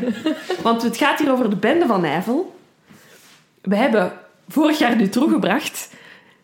En hier is Paul Latinus met zijn dossier van de Roze Balletten. Ja, inderdaad. Dus we gaan nu even een side note nemen Ja. van de, de, de theorie over extreem rechts en ehm, eh, de CIA en staatsveiligheid en zo. Maar we gaan nu even eigenlijk gewoon naar een theorie over liquidaties en afpersing. Ja. En straks komen we nog terug We komen terug bij extreem rechts, maar Paul Latinus heeft er even de Roze Balletten bij Ja. betrokken. Ehm, want hè, een half jaar voor zijn dood is hij blijkbaar, is Lantinus naar de Rijkswacht gestapt met een klacht over het feit dat hij doodsbedreigingen kreeg in verband met het dossier Pinon. Ja.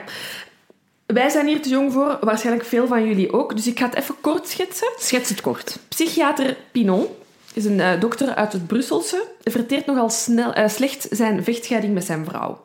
Valt hem niet goed. Een beetje op zijn tenen getrapt misschien. Dat vooral, denk Ja, ik. ik heb ja. opgeschreven, hij verteert zijn scheiding nogal slecht. Ehm, zijn vrouw bleek, of dat beweert hij dan, betrokken te zijn geweest bij seksfeesten met hoge pieten. Dat zal hebben gepikt. Mhm. Dus wat zegt Pinot? Mijn vrouw, die van mij wil scheiden, allemaal goed en wel, maar weet je wat dat hij naar een vrije tijd deed toen dat hij nog getrouwd was met mij? Hij vertelt dat er verschillende hooggeplaatsten... In eerste instantie spreekt hij over mensen uit dokterskringen, hè, de omgeving waar hij in, in, in functioneert. Hij is zelf psychiater, dus echt de andere grote artsen, chirurgen. Maar later evolueert hij ook naar ehm, eh, ministers, burgemeesters, notarissen, advocaten. En hij eindigt bij koning Albert. Iedereen... Toen die- nog prins, hè? Sorry, ja, toen nog prins. Iedereen die een beetje groots was, Die was erbij. was erbij. Er werden zotte seksfeesten gehouden, minderjarigen. Ehm, eh, de- de- er was geen wederzijdse toestemming. Enfin, iedereen stond daar naakt op de dansvloer. Hè. Het was wel echt een feest. Het zou in discotheken zijn doorgegaan. En had seks met elkaar. Ik denk, oké, los van de minderjarigen en de wederzijdse toestemming, als zo'n dingen doorgaan en die mensen hebben er allemaal zin in, moeten ze maar gewoon hun hoesting doen. Maar Pinon beweert dus effectief dat er strafbare feiten aangelinkt Met waren met minderjarigen. Dutroux is ook iemand die vaak in, in, in één zin wordt genoemd hè, met die roze balletten, want hij zou minderjarigen hebben aangeleverd voor dit soort seksfeesten. Maar doordat de Latinus die... ehm, dit dossier eigenlijk ja, zogezegd In bezit had, in bezit had, hebben we een link met de bende van Nijvel, de Roze Balletten en Dutroux. Dus dit zou allemaal aan elkaar verbonden zijn. Dus eh, psychiater Pinon is daarmee naar buiten gekomen. Dat is in het nieuws geweest, maar die bewij- bewijzen konden nooit hard gemaakt worden. Mensen ontkenden dat. Er waren geen eh, getuigen. Er kwam niemand naar voren. Dus die roze balletten, was het waar of niet? We wisten het niet. Paul Lantinus beweert hè, in 1984 dat, Dat hij- hij het bewijs daarvoor heeft. Ja, en hij zou daar dus voor vermoord zijn geweest. dus- dat is een theorie. Ja, hij, zegt, hij heeft dus zelf inderdaad aangegeven van... Kijk, ik heb dat dossier hier in de kluis liggen en ze gaan, ze gaan mij vermoorden. En het gaf hem tegelijkertijd een middel tot afpersing ook. ja, hè? ja, dit is eigenlijk een manier hoe dat hij inderdaad ook verder had kunnen voortbewegen eh, via Westland New Post of via andere kringen. Allee, dan had hij zich heel goed in staatsveiligheid kunnen binnenbabbelen, omdat hij dat in zijn bezit had. Ja, en, en ook wat dat ik ook zou hebben, omdat er zoveel hoge pieten bij betrokken waren bij die roze balletten, zou... Ik dacht echt, ik dacht toen ik, ik, ik, ik heb dit, deze notitie gemaakt ergens om half één s'nachts in mijn research, maar ik ben blij dat jij nog altijd het blijft gebruiken. Ja, die hoge pieten. Die hoge pieten, ehm, die ehm, ja, waarschijnlijk dan eh, zoiets hadden... Allee, dat hij... Dat, dat, wacht, dat Paul Antinus dus lid was, of deel heeft uitgemaakt van de overvallen op de bende van Nijvel, heeft gezegd tegen die hoge pieten van kijk, ik heb dit wel allemaal over jullie, dus als jullie mij terechtstellen voor de bende van Nijvel of een beschuldiging Ja. stellen, kom ik naar buiten met mijn bewijzen over de roze balletten. ja, inderdaad. Dus dat zou ook... ehm, In ieder geval, hij gaat het niet meer kunnen navertellen, want hij, is, eh, ja, hij heeft zelfmoord gepleegd, maar ik denk dat we ervan kunnen uitgaan dat hij vermoord is. Het probleem is dat ook het dossier nergens is opgedoken. Nee, maar er zijn wel linken die gelegd kunnen worden ehm, met de slachtoffers van de bende van Nijvel, Ja. maar die nooit echt helemaal hard zijn gemaakt door de speurzers. Ik heb ze opgeschreven, maar hoe meer ik er naar kijk, denk ik... Ja, het is allemaal zo, zo, zo, zo, Ja, zo. Hè. Maar ik, ga, ik wil er kort even Nee, maar doorgaan. Ja, laten we er doorgaan. Ehm, dus hè, we hebben José van den Nijnen, die in die taverne is neergeschoten geweest. We hebben daar een hele rare buit van jassen en borden en wijn en champagne. Hij zou in het bezit zijn geweest van een cassette van de sekswijven. Dus waarschijnlijk zijn, die, eh, zijn de daders op zoek gegaan naar die ehm cassette. Ja, Hebben ze al dan niet gevonden. ik wil gewoon even ook zeggen, dus we hebben de Bende van Nijvel en die hebben vaak buit gemaakt. En alle zaken waarvan dat we nu hebben... Ge, in de vorige aflevering hebben gezegd, tja, zo raar, hier is weinig gestolen. Ja. Net al die zaken zouden gelinkt kunnen zijn aan de roze ballet. Dus dat zou kunnen eh, aantonen waarom dat er niet echt een buit moest zijn. Die mensen moesten gewoon verdwijnen. Dat is Ja. een beetje wat dat... de- En eventueel het materiaal dat ze Ja. hadden over de roze ballet. Dan heb je Jacques Fauré en Elise de Wit, die op de parking van de Colruyt in Nijvel zijn eh, neergeschoten. Ehm, in de wagen, want die hebben ze meegenomen van Ja. Jacques en Elise. Dat was die Mercedes. Ja, Daar zou een compromitterende opname van een van zo'n vuiven gelegen hebben. Maar bon, ook weer niet bewezen. Ja, die is hè. nooit gevonden, dat wordt gezegd, dat wordt gefluisterd, maar dat, het is niet dat dat in het bendedossier dat openlijk... Allee, het- wij hebben dat, ik heb het niet teruggevonden op YouTube of zo, bij wijze Nee, van nee, nee. spreken. Ja. En dan eh, de moord op Jacques van Kamp, hè, waarvan al eigenlijk in het begin al werd gedacht dat het om een liquidatie ging. Maar hè, waar en de- de rode eh, Ja. Volkswagen is gestolen, ja. Inderdaad, die, hè, zoals we in de eerste aflevering hebben gezegd, hij had nogal bijzonder cliënteel. Hè, allemaal ook weer ogenpieten die daar eh, langskwamen. En hij zou tafelgesprekken eh, stiekem hebben afgeluisterd eh, en opnemen. En het zou, hij zou dan wellicht ook opnames hebben die gaan over de Ja. roze balletten. Ja, ja klopt. Dan is er nog onze Griekse taxichauffeur Constantin Angelou, die in Brussel vertrokken was en in Bergen is teruggevonden dood. Ehm, hij zou ooit een deelnemer Allee, of toen hebben eh, allee, een deelnemer van zo'n roze balletfeest hebben vervoerd, eh, die onthullingen daarover heeft gedaan. En Constantin Angelou zou te veel geweten hebben. Ja, en maar dit is echt hearsay, hè? Dit is echt, eh, ja, ja, ja, absoluut. Ehm, en op dezelfde dag als eh, Constantin Angelou, eh, nee, zag, ik weet niet, nee, nee, laat maar. dat, dat, dat waren de- Silke is hier verbanden aan het leggen. Het is zo die memes. Ja, zo. Maar dat is de- de afgelopen weken wel echt het geval geweest. Wacht, en heeft die dan ook? Ehm, dus dat zijn de linken die zouden gelegd kunnen worden met de bende van Nijvel. Maar ehm, ja, daar is helemaal niks... eh, Oh, en ook, ja, dus de Westland New Post stond ook in contact dus met Christian Smets, hè, de Ja, staatsveiligheid. kan, dat is die Le Canard ja, van de directeur van Staatsveiligheid. Staatsveiligheid. Ehm, en die zou ook mee deel hebben genomen Ja. aan die seksvuiven. Dus wat, wat is dan die, die link met staatsveiligheid en de Roze Ballet en de Bende van Nijvel? Is daar een link? Het zijn nooit hard gemaakt. Maar Nee. om maar te zeggen, het voedt weer Ja. de theorieën. Het ding is, waar- waarom ik moeite... En sorry, ik wil echt niet lacherig doen over Westland New Post. ehm, maar ik, de- voor mij wordt er hier te hard een rode draad gezocht. Ehm, ik denk ook dat dat... sorry, my, my two cents. Dat dat een beetje... Een, dat hier het onderzoek echt in duizend... Oh, ja, hier is het echt Dingen- compleet misgegaan. Ja, is ontploft. Ik, ik denk dat er te hard is gezocht naar een één gemeenschappelijke kern. Ehm, en niet vergetende dat bedoel, er nog misdaden gebeurden in België. En als je alle misdadigers eh, samen trekt... Je vindt tot- altijd iets, Je hè? vindt altijd wel een link. Ehm, enfin, ik, ik zal het zo zeggen. Ik, ga, ik, ik val van mijn stoel als dit blijkt dat Ja. dit de piste is van de bende van Eiffel. Absoluut. Ja, ik heb nog een korte die ook te maken heeft met afpersing. Ja. Ehm, dat zou gaan over concurrentie van Delhaize, die eh, Amerikanen zou hebben ingeschakeld eh, om, eh, om geld te geven aan, allee, om, om overvallers te betalen, om Delhaize te destabiliseren en zo Ja. ja. ja, meer macht zou krijgen over eh, supermarkten, et Ja. cetera. Maar dan denk ik, ja, oké, maar het ging ook over de koolruit. Ja, en- maar het is wel opvallend. Er zijn wel veel de lijstjes aangevallen en maar twee koolruiten. Ja, klopt. Misschien hadden ze zich vergeten. Waar was de GB? De Spar. De bestond De? Carrefour. Is dat niet de GB-groep? Ik weet het niet. Dus dat is, dat, is- dat, dat is zo'n beetje de, de, de Afpersing. afpersing en liquidatie. En ik denk dat we nu stiltjes aan terug richting De Rijkswacht. de. Rijkswacht gaan en extreem rechts en Ja. staatsveiligheid. Dus eh, Ja. ik, ik ga u laten beginnen. ja. Ehm, samen met Philips de Starke is dit een beetje mijn, ehm, de piste waarvan, allee, waar dat mijn gevoel zegt van hm, hier, hadden, hier hadden we harder Ja, moeten op... eh, dat allee, we-. Precies of ik deel ben van het onderzoeksteam. Nu wel. Delta belt mij. Ehm, nee, dus eh, dat is de piste van Madani Bouhouche en Robert Beyer. Ook mensen die vijf woorden over de bende van Nijvel al hebben gelezen, zullen... Kennen even- die namen, Ja, hè? kent je die ehm, namen. Bouhouche en Beyer. Bob's Gone Wrong heb ik hier opgeschreven. Het was al laat, sorry.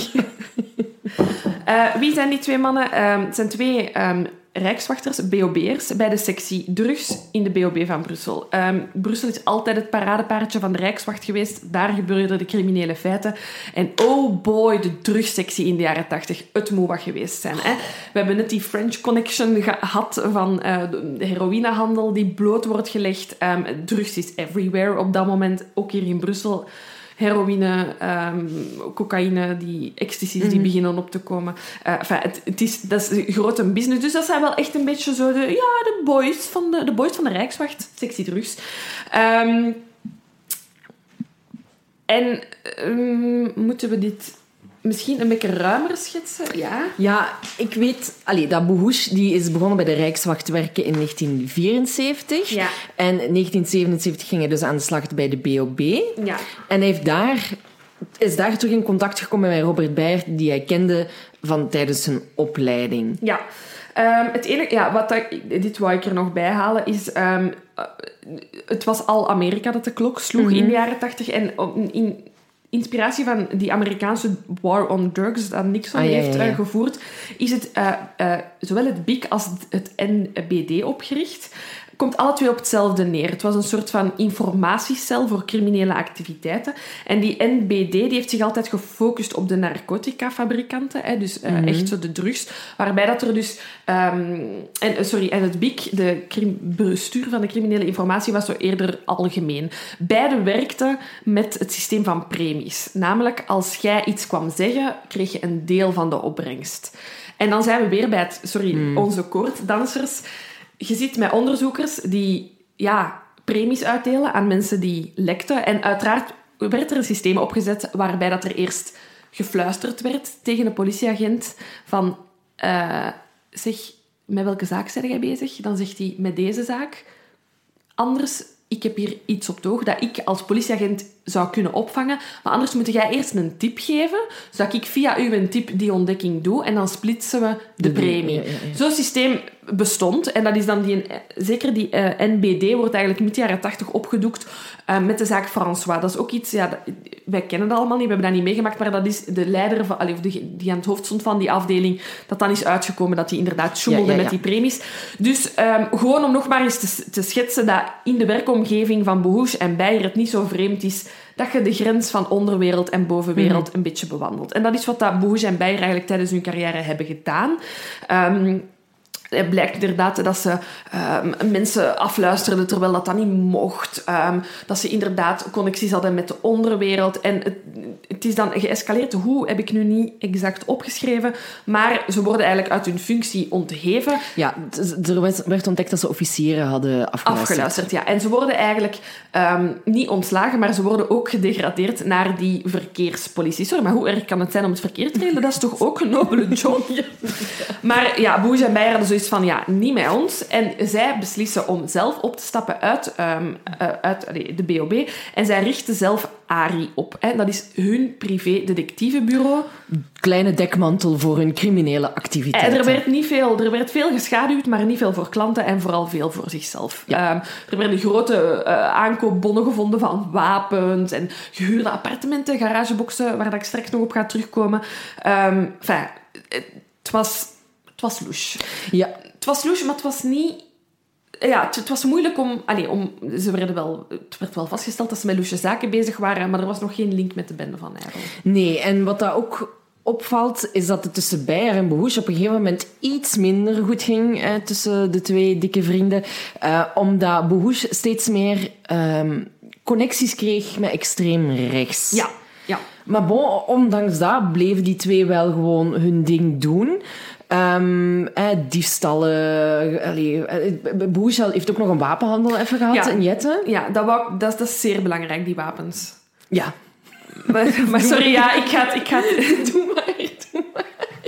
Boos is dus al bij de Rijkswacht echt een wapenfreak. Ja. Ehm, hij kent veel van wapens en eh, sluit zo vriendschap. ehm, en zo is ook hij in beeld gekomen bij de bende van Nijvel. Hij sluit vriendschap met Juan Mendes. Ja. Eh, Juan Mendes is eh, iemand die werkt in de wapenfabriek F, eh, FN. Herstal. Ehm, eh, dat is de wapenfabrikant in België, die trouwens tot op de dag van vandaag bestaat. Ehm, ja, ik vind dat heel raar. Ehm, en Juan Mendes is daar... Die heeft daar, ja, hij is daar handelsvertegenwoordiger voor Zuid-Amerika. En, en pakt regelmatig een keer een wapen mee naar huis om te testen. En, en is zelf ook heel hard bezig met wapens te verzamelen. Ehm, en ergens in 84 wordt er bij hem thuis ingebroken en worden er wapens gestolen. Ehm, daarover heb ik hier iets te schrijven. Iets te zeggen. We gaan bij de bende komen hoor, jongens. Het gaat gewoon even duren. Dus, een van de topstukken uit de collectie van Mendes was heel gevaarlijk om te hebben. Het was het machinegeweer Heckler en Koch met een geluidsdemper. Het werd enkel geleverd aan orde-strijdkrachten, maar via zijn goede vriend Boehoes is het hem gelukt om er eentje te bemachtigen. Hoe is Mendes aan dat wapen gekomen? Het was ooit gestolen bij de SIE, de Speciale Interventiedienst Escadron van de Rijkswacht. De SIE waren eigenlijk een beetje de commando's van de Rijkswacht, de elite. En net in hun kazerne wordt er op oudejaarsnacht ehm 15 superwapens gestolen. Dus die Heckler en Koch machinegeweren. Maar echt 15 van die stuks, dat echt onmogelijk zijn om te hebben. Boes en Beyer zijn later veroordeeld voor die diefstal. En Mendes heeft er eentje van in zijn be- bezit. Mendes krijgt het warm onder zijn voeten wanneer na de raid in Aalst getuigen het wapen van die Heckler en Koch tekenen. Dus Mendes heeft zoiets van, shit, ik heb dat wapen gekregen van Bohush. Ja. En dat wapen wordt herkend, dat is niet mijn wapen, maar hij heeft er 15 gepikt in Aalst. Heeft Bohush dat dan ook aan Aalst gegeven, of is dit puur toeval? Of hebben die getuigen, want eh, het gaat over mensen die dat wapen wel aanwijzen, maar dat wapen is nooit gevonden. Het gaat over een getuige die zegt, dat wapen heb ik gezien. Is dat een vergissing? Zien sommige wapens er hetzelfde uit? Maar Mendes krijgt schrik. Ja, ja, ja. Ja, ja. En dan gebeurt er, dus hè, Aalst, bla bla bla. Mhm, mhm, mhm, ja, dus dat wapen wordt gezien. Er wordt ingebroken bij Mendes, zijn wapens worden gestolen. Niet veel later gebeurt de bendereed in Overijse. Mendes heeft schrik. Dus hij weet dan nog niet van dat wapen van Aalst. Sorry, dat is misschien niet de juiste volgorde. Hij wordt de eerste keer krijgt hij schrik na de, de lijst van Overijse, want hij belt om te vragen aan de commissaris welke wapens zijn gebruikt. Misschien zijn die van mijn diefstal. hè, Want echt alle wapens... Mendes heeft honderden wapens, zijn allemaal gepikt. Ehm, bij hem thuis. Oké, misschien is er een wapen van Overijse gebruikt. Ehm, maar de politie stelt hem gerust en zeggen nee, uw kalibers zitten er niet tussen. Dit zijn de kalibers die zijn gebruikt. Oké. Mendes trekt wit weg. Niet alle wapens die hij had, heeft hij op een legale manier kunnen verkrijgen. Hè? Want ja, onder andere dat wapen van Bohush.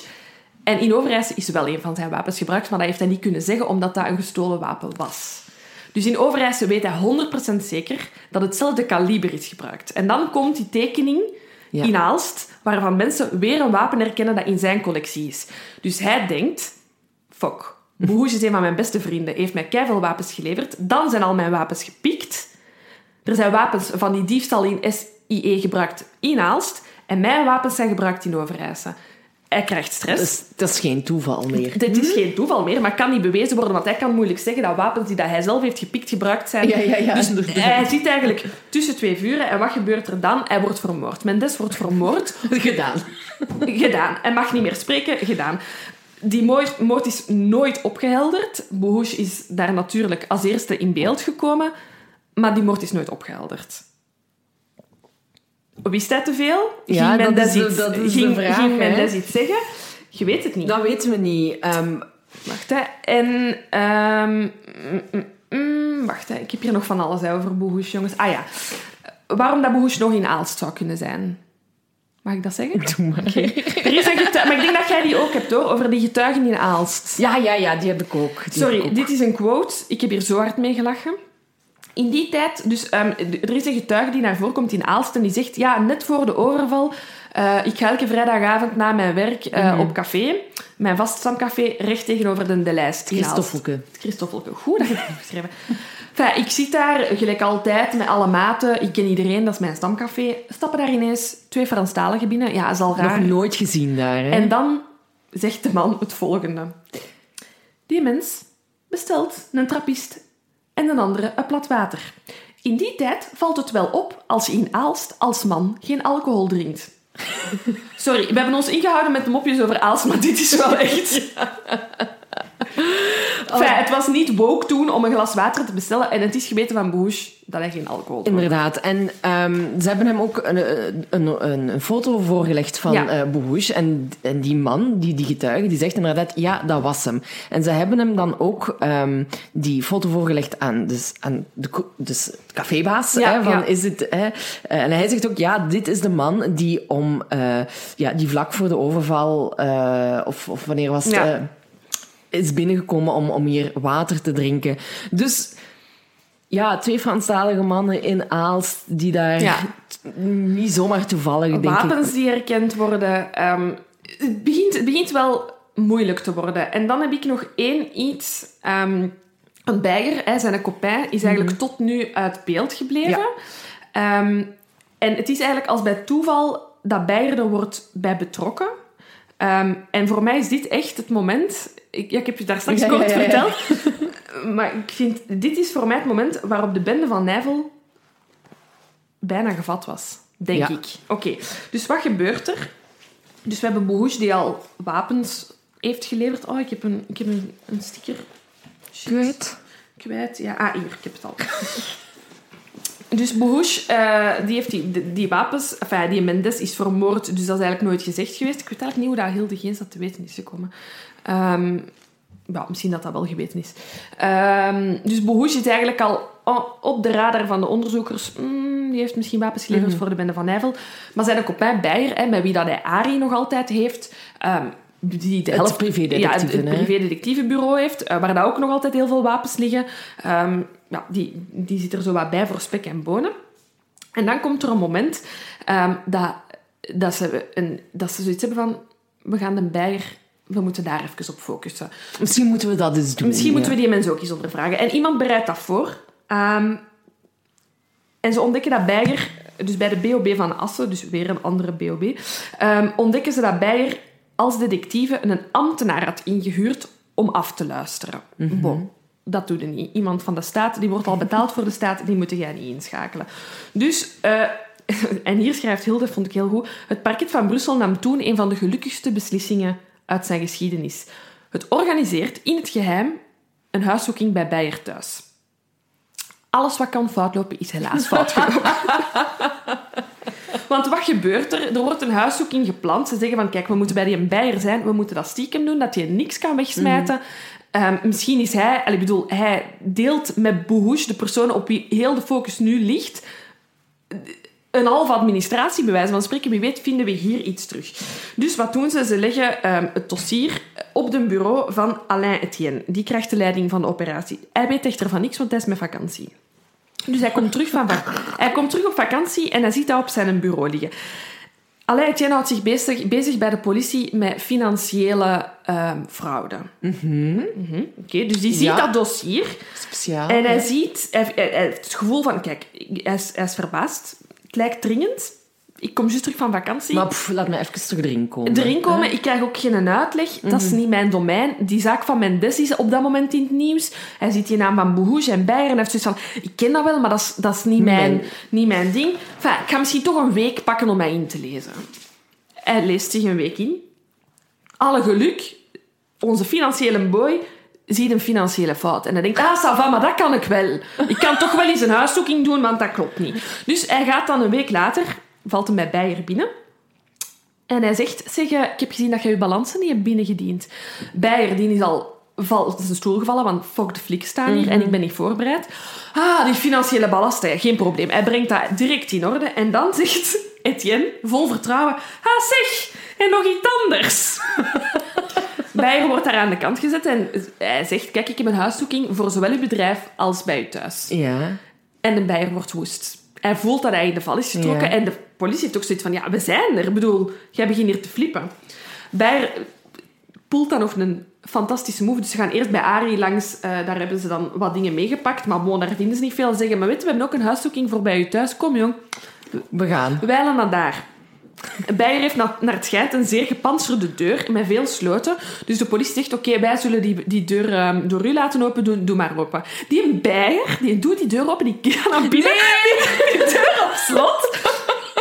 Dus die flikken, fuck. Die bellen de slotenmaker. Die mens is al halverwege bezig als Beyer dan toch de deur open doet. Dus die heeft Ja, daar... maar wat heeft hij ondertussen gedaan? dat haardvuur brandt. Daar zien ze van alles in branden. Eh, maar ze hebben zoiets van, ja, oké, weet je wat, whatever. We gaan meepakken wat dat we kunnen meepakken. En er worden diskettes meegepakt. Waar dat, ehm, dat... Volgens Beyer zegt, je moet dat niet meepakken, dat is niet belangrijk. Dat is gewoon ons boekhouding en dat is gewoon dat. Nee, wat, we gaan dat toch meepakken. Ze merken aan de houding van Beyer... Dat er iets niet klopt, hè? Er is iets met die diskettes. We zijn natuurlijk in de jaren tachtig, dus het duurt... Ze zegt eh, dat het, we zijn in het hieroglyphen-tijdperk van informatica. Dus het duurt nog een week eer dat ze drie diskettes hebben uitgelezen. Wat vinden ze op die diskettes? Ja.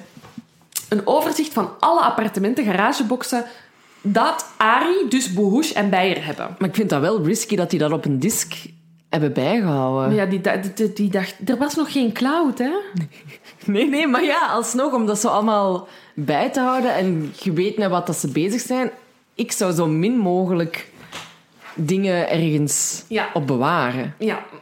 Fijn. Er Maar zijn- bon, het is, ja. het is... We zijn er bijna, jongens. Er zijn dan twee elementen op die disk dat ze zeer interessant vinden. Namelijk Martin en Louise. En Martin en Louise zijn twee garageboxen. Eerst gaan ze naar Martin. Daar vinden ze een auto, daar vinden ze wapens van Mendes. Dus ze hebben al zoiets van, oké, jullie weten, dit zijn wapens van Mendes. Hier is meer aan de Hier hand, hè. klopt al iets niet. Er wordt een blauw zwaailicht gevonden van de groep Dian. Mm. Daar gaan we het zo Ja, ook nog eens voilà, goed sorry. over Dus- hebben. Dus, ze hebben zoiets van, we're getting there.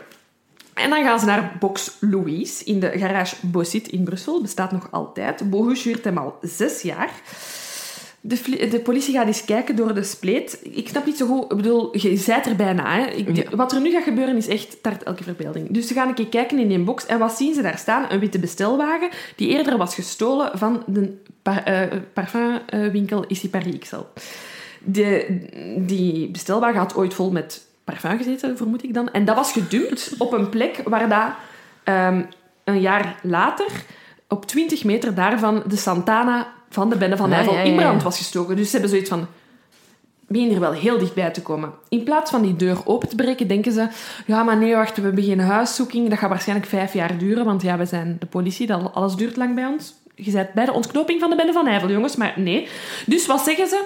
Eh, verstopt u, vat hier post en haalt die garage in. Toch? Ze hebben hard gewerkt, hè? elke dag. Zeker tussen de 12 en de 15 uur. Bravo.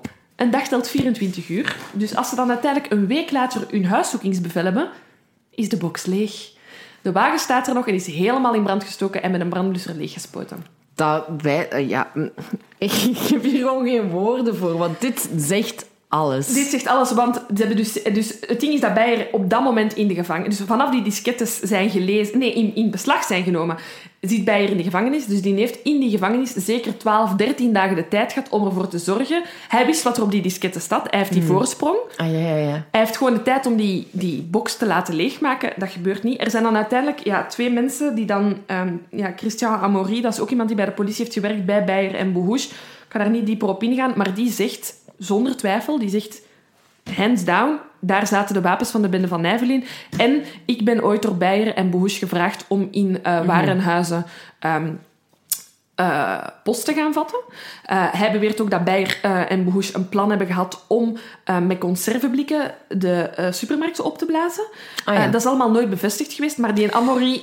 Er waren wel plannen inderdaad Ja. volgens die Amory dat ze ook, ook plannen van warenhuizen zelf Ja. hè, hadden ze liggen, Ja. dacht ik, hè, waardoor ja, de link met de bende van Nijvel Ja. natuurlijk snel gemaakt kan worden. Ja, en dan heeft hij in Amory ook gezegd, ik weet ook wie dat die wapens uit die garagebox is gaan halen. Dat was Chang, een Vietnamese vriend van Beyer. ja, ja. ja. Die kent ook Philippe de Starke. Die en Chang heeft even... Oh, die Philippe de Starke is terug, Ja, ja. Philippe, en, en, en die en Chang heeft dat ook effectief gezegd. Ja, ja, ik ben uit die box in zakken, te voet, naar... ehm, want dat is Bossit, dat is bij de botaniek. Mhm. Naar de botaniek gegaan en daar heb ik die eh, wapens even verstopt. Maar dan is iemand anders die wel komen halen. Maar ik heb effectief wapens uit die box gehaald.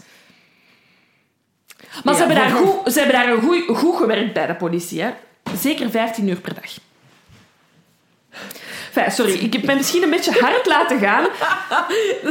Maar nee, als, eh, want, want ik ben er inderdaad ook van, van op de hoogte, maar als ik dit nu opnieuw hoor, denk ik inderdaad van... Ik denk als ze die box waren binnengevallen, je gaat het nooit weten, hè, maar het is toch opvallend dat, zeker, dat we zeker weten dat die auto eerst onaangeroerd in die box stond en dan met een brandblusser helemaal is leeggespoten en leeg was.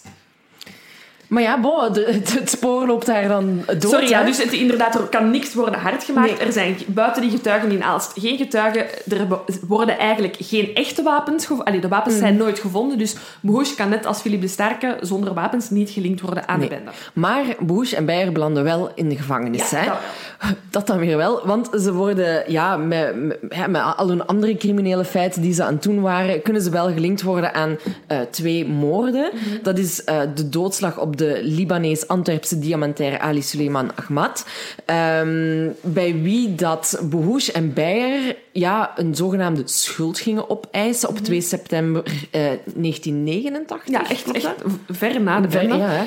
Ehm, en er is een soort van ruzie ontstaan en eh Suleiman heeft dan een eh, kogel in het hoofd gekregen.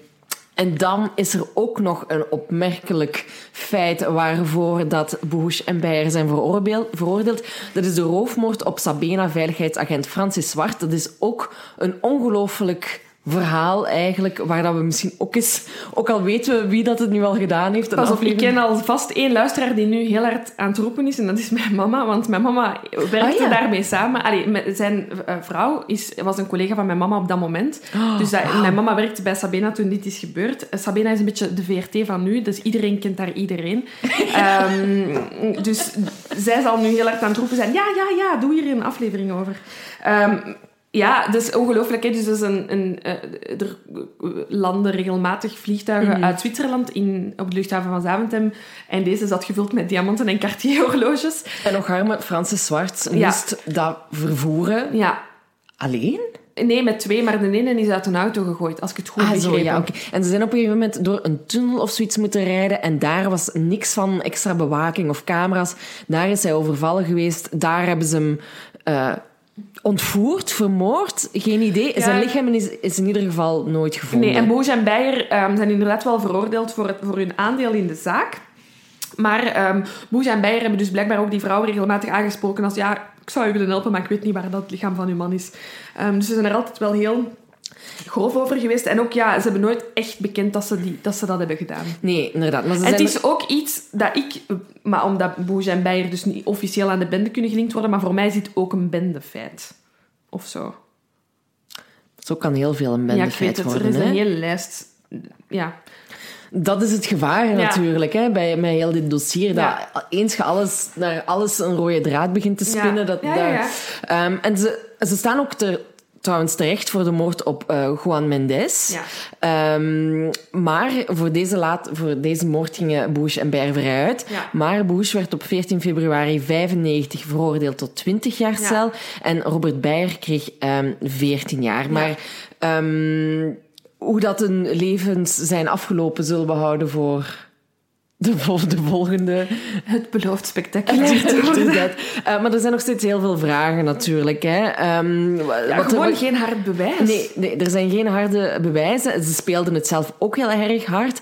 En eh, wat ik ook heb gelezen, is dat ze alleen maar bekenden wat ze niet konden ontkennen, Ja. deze twee. Ja, inderdaad.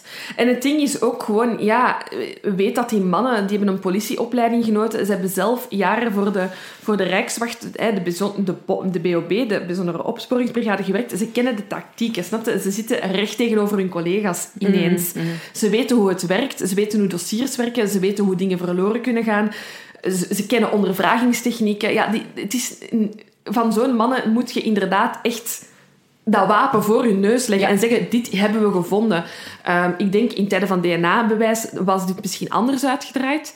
Ehm, in tijden van wel 24 uur een parkeergarage in houden, was het misschien, het was het misschien ook gelukt. Ehm, ja, er is gewoon geen bewijs. Maar wat zou dan hè, hun motief eigenlijk kunnen Ja. zijn voor het te doen? En er zijn eigenlijk ook ja, heel veel verschillende motieven die Bohush en Beyer zouden kunnen gehad hebben. Een van de onderzoeksrechters die zegt van ja, of het was hè, een, compl- een complot van extreem rechts om de staat te destabiliseren, doordat ehm Bohush die linken had. Hè, hij kende mensen die extreem rechts waren. Of ze waren gewoon rancuneus, hè, omdat ze een job waren verloren, nu verkeersagenten moesten zijn. Ehm, hè, omdat ze ja, betrapt waren op het afluisteren van, eh, van officieren. Ehm, of het was een afpersing voor de warenhuizen, dat ze Ja. geld opeisten. Allee, van alles. Maar ze hebben ook een leugendetector positief doorstaan. Maar bon, in welke mate kunnen we Goh, leugendetectors vertrouwen? Het is altijd hetzelfde. Als mensen hem doorstaan, zeggen mensen, ja, het is geen Ja. goed systeem. En als ze falen, zeggen ze, ziet je wel. Ze hebben- Dus het, het is... Maar daarom inderdaad is het gewoon toekoor geen goed systeem. Nee, nee, het is gewoon... Ik, ik, ik schrijf het zelfs niet op, zo'n dingen. Nee, voilà. Dat is Bush en Bear volgens mij. We komen er in aflevering 3 Zeker op zeker op Ja. terug. Nu wil ik nog even terug naar de, de, de, de, de strategie van de spanning. Ja. Hè, waar, waar misschien en Beyer ook aangelinkt kunnen worden. Maar Ja. nu gaan we terug er dieper op in. ja. Dus wij, wat hebben we gehad? Even op een rijtje We misschien de, zetten. het banditisme, waar dat we de Borraans Zie, hebben... dat was ik al vergeten. Ja. Sorry, Philip Staken is een van mijn hoofdpistes. Voor mij ook. Voor mij ook. Het is banditisme. En daar hebben we de twee strekkingen, de Borraans, hè, waar dat er echt tunnelvisie Ja. eh, was. En dan Philips de Sterke, die ook langs alle kanten motief... eh, dat getuigen, maar niks dat het hard kan maken. hè.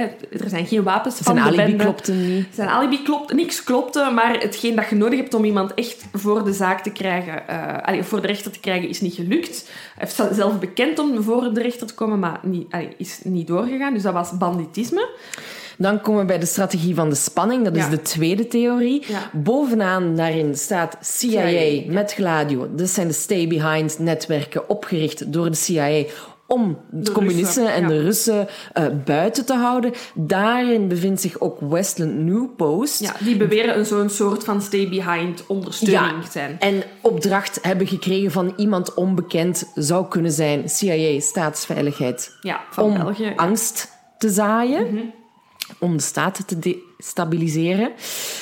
Waarin Paul Antinus en zo zitten Ja, en en dan Michel hebben we even een kleine zijsprong naar de eh Roze Roze Balletten. Balletten. Ehm, Waarin Paul Antinus beweerde dat hij eh, beschikte over het dossier waarin dat hij bewijsmateriaal kon voorleggen dat Ja. de roze balletten echt waren. ja, en dan waren er een paar slachtoffers van de Bende van Nijvel die dan zouden betrokken geweest zijn bij die Roze Balletten. Maar dat is allemaal Dat is speculatief. speculatief. Dan hebben we de grote piste van Behoes en Beyer ehm, bij de afpersing, toch? Of ben ik iets aan het overslaan? Nee, nee, nee, nee, nee. Maar het is gewoon bij, bij, bij Boege en Beyer kun je heel veel linken. Hè, Ja, van, eh, wapenhandel, strategie van de spanning, drugs, kwaad op de politie, van alles. Van alles, inderdaad. Dus nu gaan we echt officieel terug naar eh, de theorie van eh, de staat te destabiliseren, Ja. zodat eh, we terug kunnen, eh, zoals een phoenix, eh, Ja, herrijzen, eh, om tegen de Russen te vechten.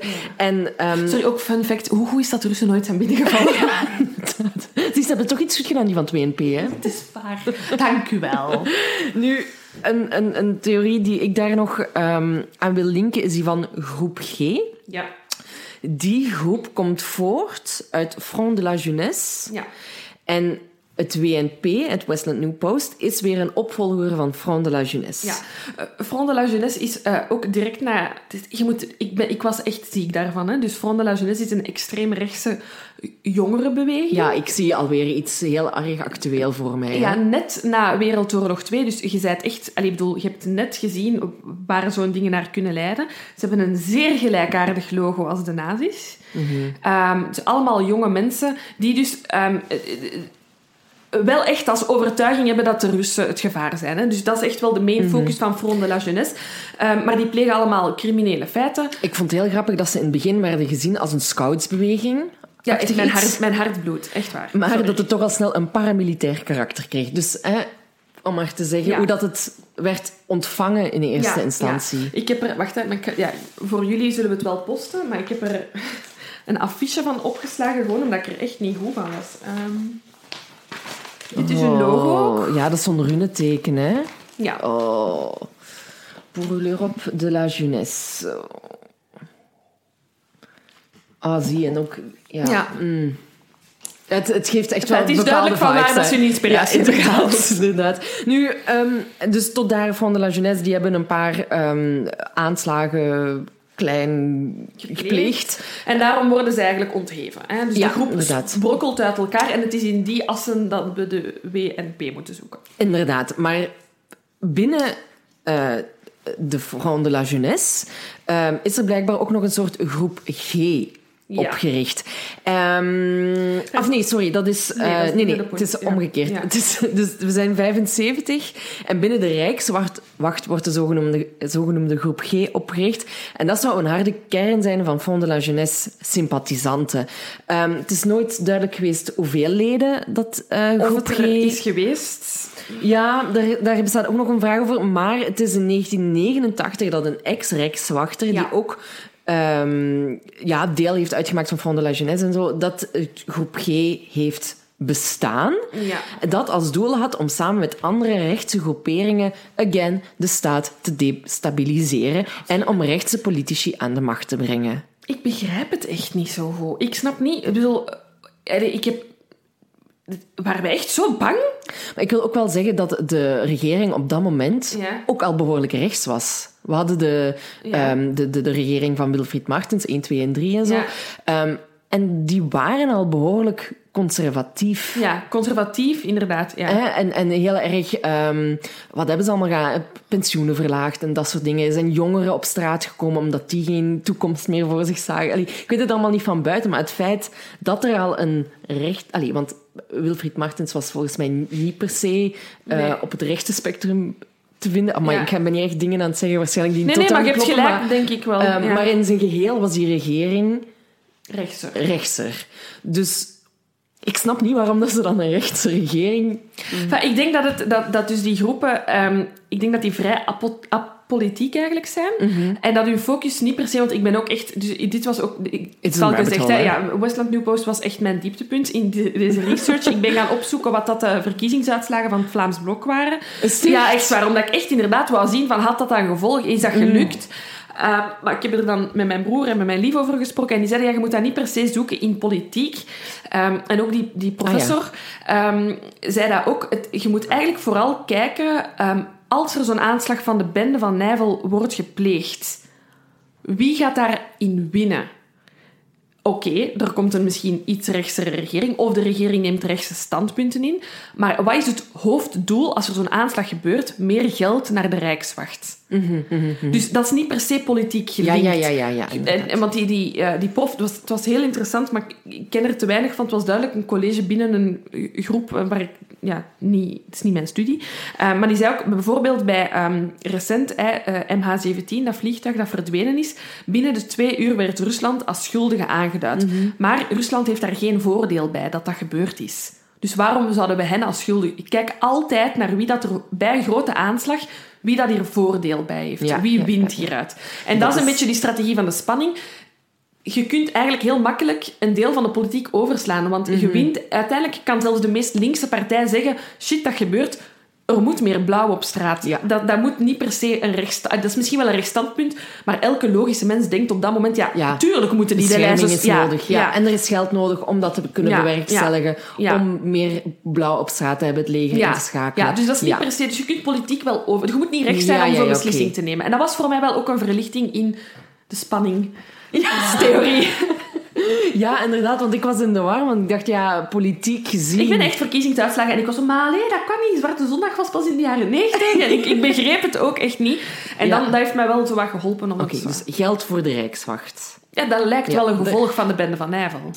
Ja, ze- ah ja, absoluut, absoluut. Maar eh, de, de vraag is natuurlijk, spreekt die Rijkswachter, die ex-Rijkswachter, ook de waarheid over groep G? Want daar hadden we het over. Ja. Hè? Die, eh, die groep die binnen de Rijkswacht is opgericht Ja. en eigenlijk voornamelijk bestaat uit Front de la Jeunesse-sympathisanten. Ja. Hè? Die dan inderdaad zouden willen dat er meer geld naar de. Rijkswacht zou vloeien door de bende aanvallen. Oké, we zijn er. We zijn er. Ehm, nu, er is een rapport van de BOB van Waver waarin staat dat, het- dat het bestaan van groep G wel bevestigd kan worden. Maar, meer heb ik, heb ik Nee, niet. want ja, staat dat in ergens nergens? Nee. Heb ik niet. Meer heb ik niet. Dat, dat is het enige wat ik daarover weet. Dus groep G sluit ik eigenlijk een beetje uit. Ja, oké. Dan zou ik graag naar Jean Bulto. Ja, de, het ding is, voor mij zijn eh, de volgende... Ik heb nog... Maar ik denk dat we dezelfde nog hebben. Jean Bulto en dan Patrick Hamers heb ik een korte. Ja, Patrick Hamers heb ik gelaten voor wat het was. Ehm, eh. maar eh, voor mij, maar Jean Bulto is inderdaad een goede volgen, volgende. Ehm, een paar opmerkelijke dingen gedaan, maar Zullen we er even kort doorgaan ja, gewoon? ja, ja, ja. Ehm, dus Jean Bulto was een ex-gevangenisdirecteur. of course. Kijk, maar in elke theorie komt tot nu toe al de Rijkswacht aan aan bod. Zelfs bij de we Ja. ex-Rijkswachter eh Cocu. ja, Alleen bij de Staarke-clan zie ik niet meteen een, een link, maar voor de rest... maar de sterke is hier, hè. Ja, klopt. Ja, ja, ja, ja. Inderdaad. Ik heb niks gezegd. Dus in elke theorie komt de Dus Jean bod. Bulto is jarenlang de directeur van de gevangenis... Sorry, ik wijs ook naar Sint-Gilles. Van Sint-Gilles in Brussel. Daar dus. Ehm, en het is een beetje, om het weer met een spreekwoord te zeggen, de kat bij de melk zetten. Want die man eh, valt ook van onze koord Ja, hij houdt... Hij, hij, in de onderwereld. Hij ehm, verbergt wapens in de gevangenis. Hij heeft daar ook een gestolen BMW vanmorgen. Ehm gaat daar al een belletje Mhm. rinkelen. En hij was ook wel heel vriendelijk tegen zijn gedetineerden Ja. eigenlijk. Hè. Ehm, ook hij wordt eigenlijk gezien als een hoofdverdachte van de bende van Nijvel. Ja. Waarom? Dit is wel...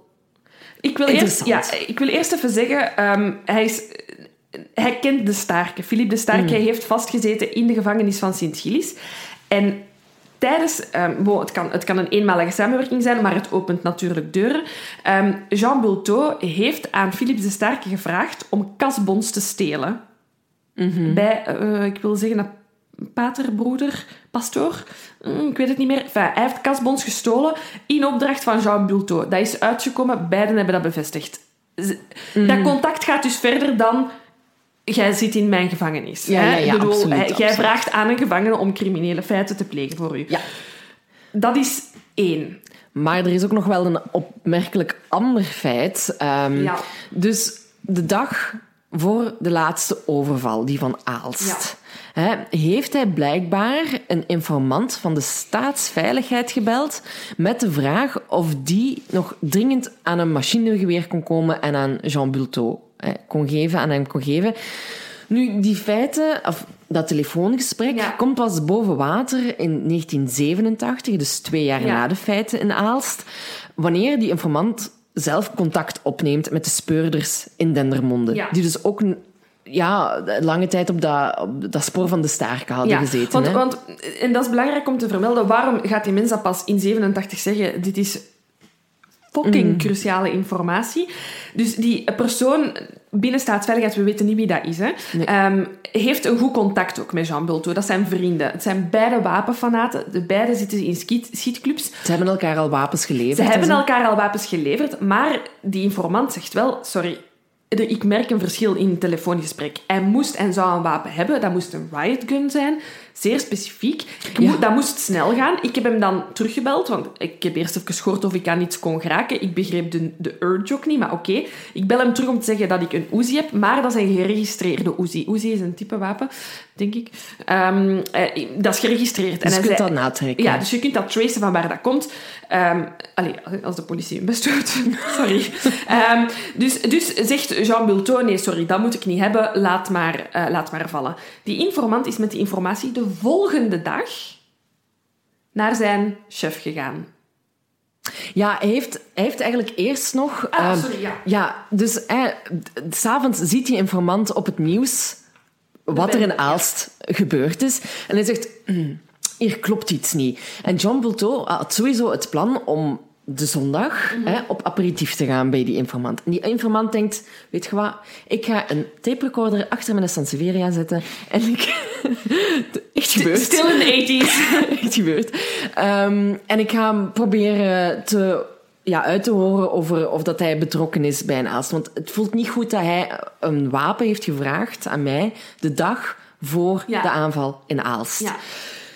Dus hij is aan het babbelen met, eh, met Jean Bultot. De tape recorder is aan het lopen.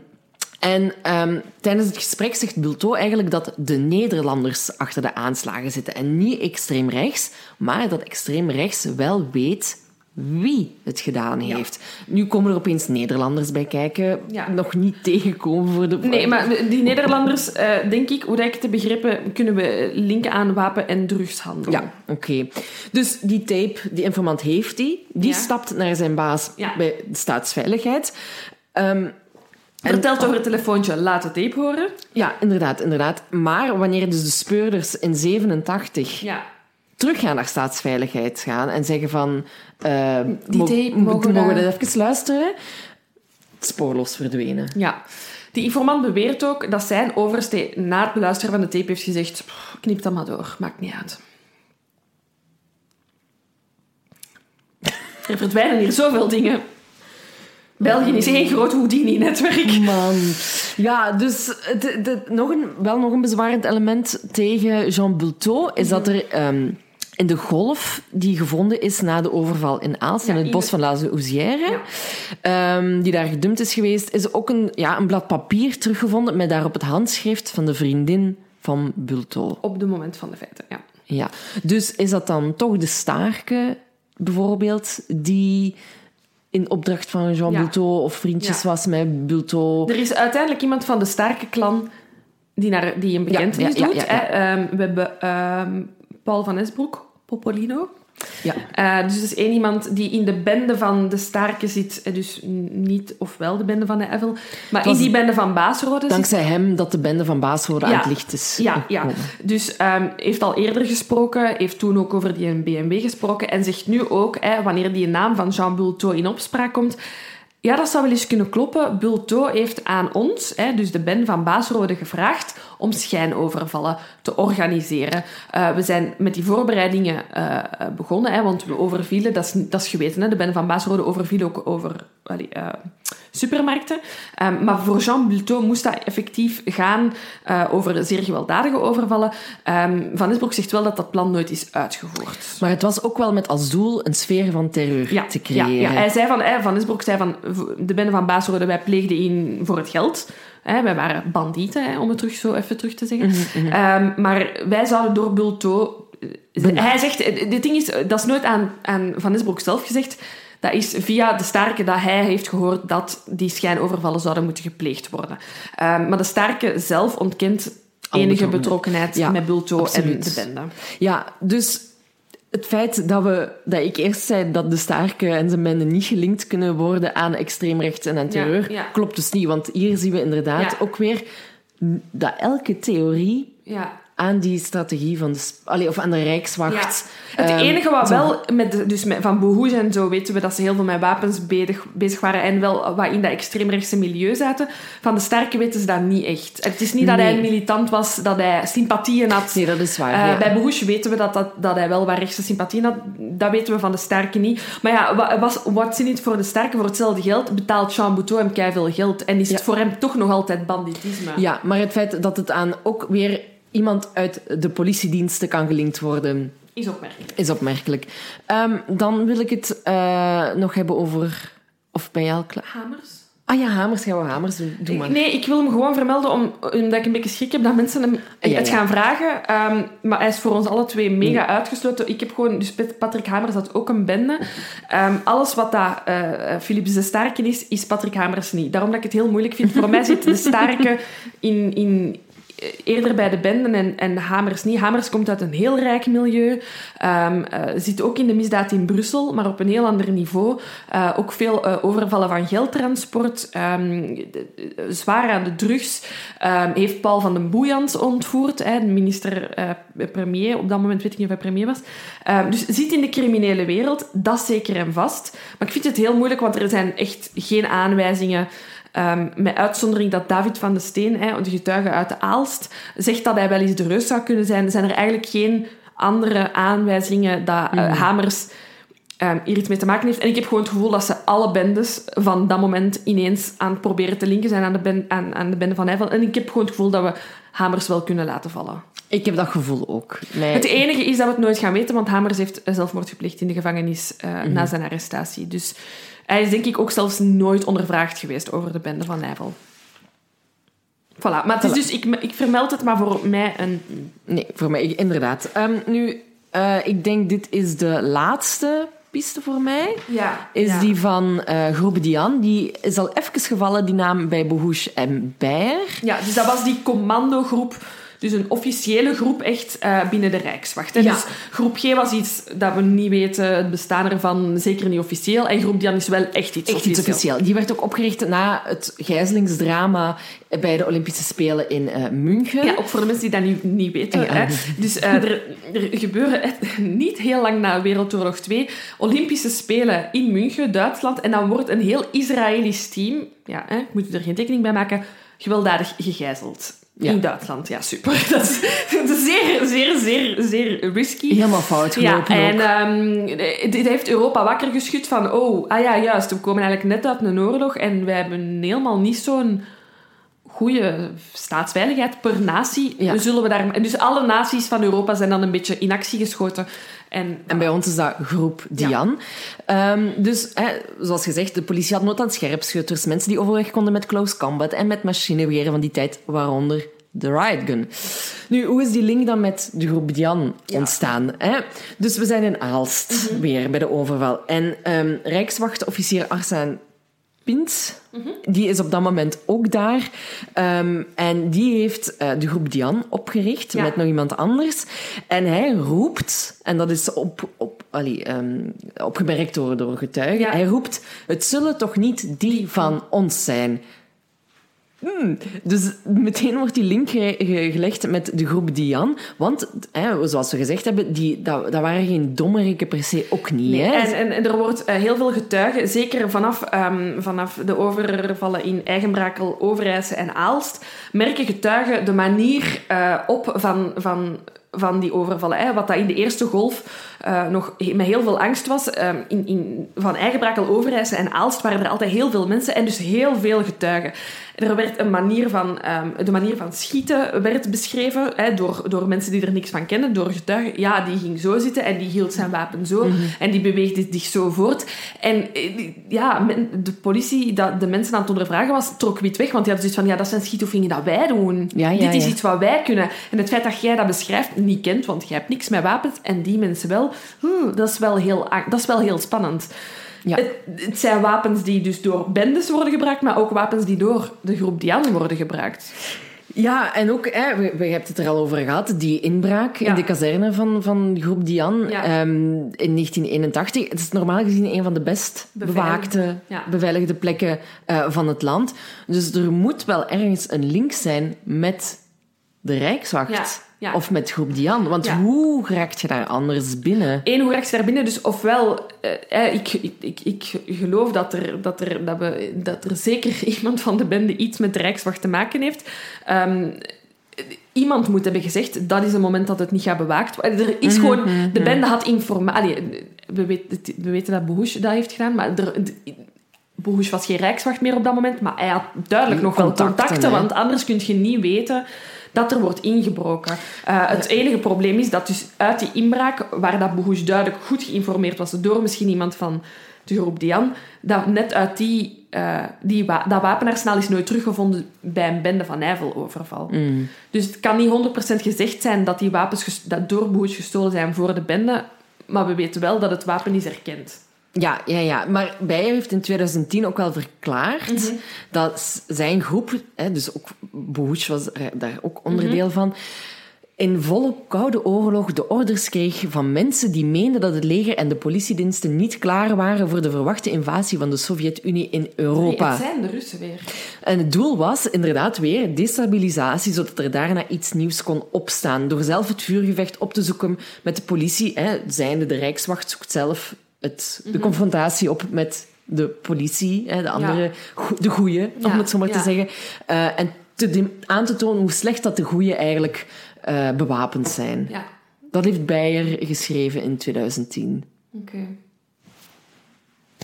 Ja, het ding is, Beyer heeft heel veel gesproken. heeft heel veel gezegd, Dat zullen we, ja. ach- allee, zullen we in de volgende aflevering zeker nog benadrukken. Ehm Beyer is, is wel een babbelkont ook.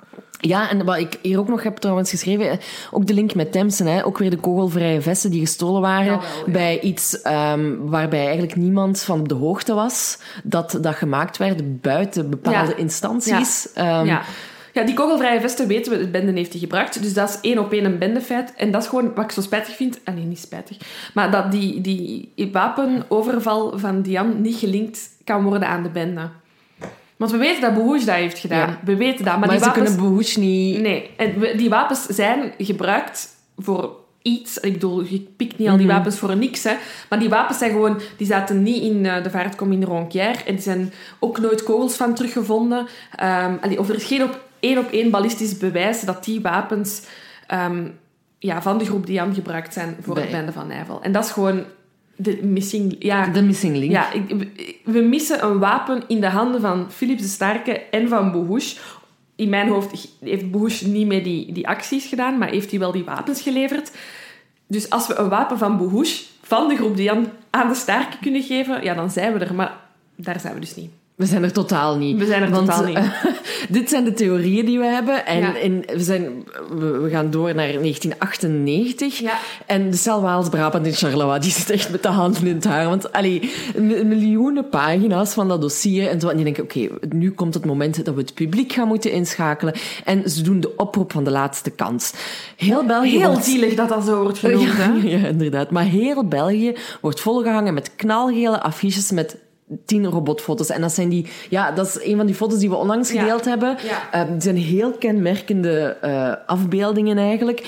Ehm, en de, de politie heeft ook voor de eerste keer een webpagina gelanceerd. ja, ja. Waarop dat je dan kan gaan surfen over de bende van En, en, en tips kan geven. Hè. En in totaal zouden er zo'n eh 1300 burgers op die oproep hebben gereageerd.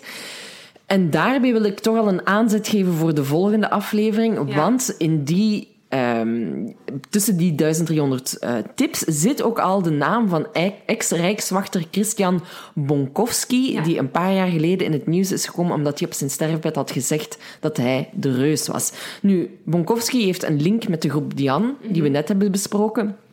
En hij wordt erkend door een jeugdvriend die toen al in 98 die tip heeft doorgegeven. Bonkowski is nog wel opgeroepen in 2000 voor een speekseltest en vingerafdrukken, eh, maar hij is nooit ondervraagd, ondanks zijn profiel als voormalig lid van de groep Dian Ja. en eh, de herkenning op basis van de robotfoto. Ja. Maar daar gaan we... Volgende aflevering. Volgende ik wou nog aflevering. gewoon even kort over die schetsen. Ik geloof dat het er een, een tiental zijn dat, je, dat, dat zijn uitgestuurd. En het is wel echt zo op basis van... Allee, schetsen werden gemaakt... Van elke getuigenis werd een schets gemaakt. En dan de, werd dan echt samen tot één grote schets eigenlijk... ehm, gevormd. Eh, er zijn ook verschillende foto's van verdachten die dan naast schetsen worden gelegd. En soms zie je wel dingen, soms niet. Ehm, maar ik denk dat dat beeld is dat wij echt... Allee, ik denk dat dat mijn eerste beeld is van de bende van Nijvel. Ja, ja, absoluut. We waren er ook al in 98. Dus zo. Inderdaad. Ja, maar als ik aan de Bende van Nijvel denk, zie ik ook de reus, allee, Ja. de robotfoto van de reus ja, voor mij. Ja. Goed, ik denk dat we het moeilijkste hebben gehad. Ik denk dat we...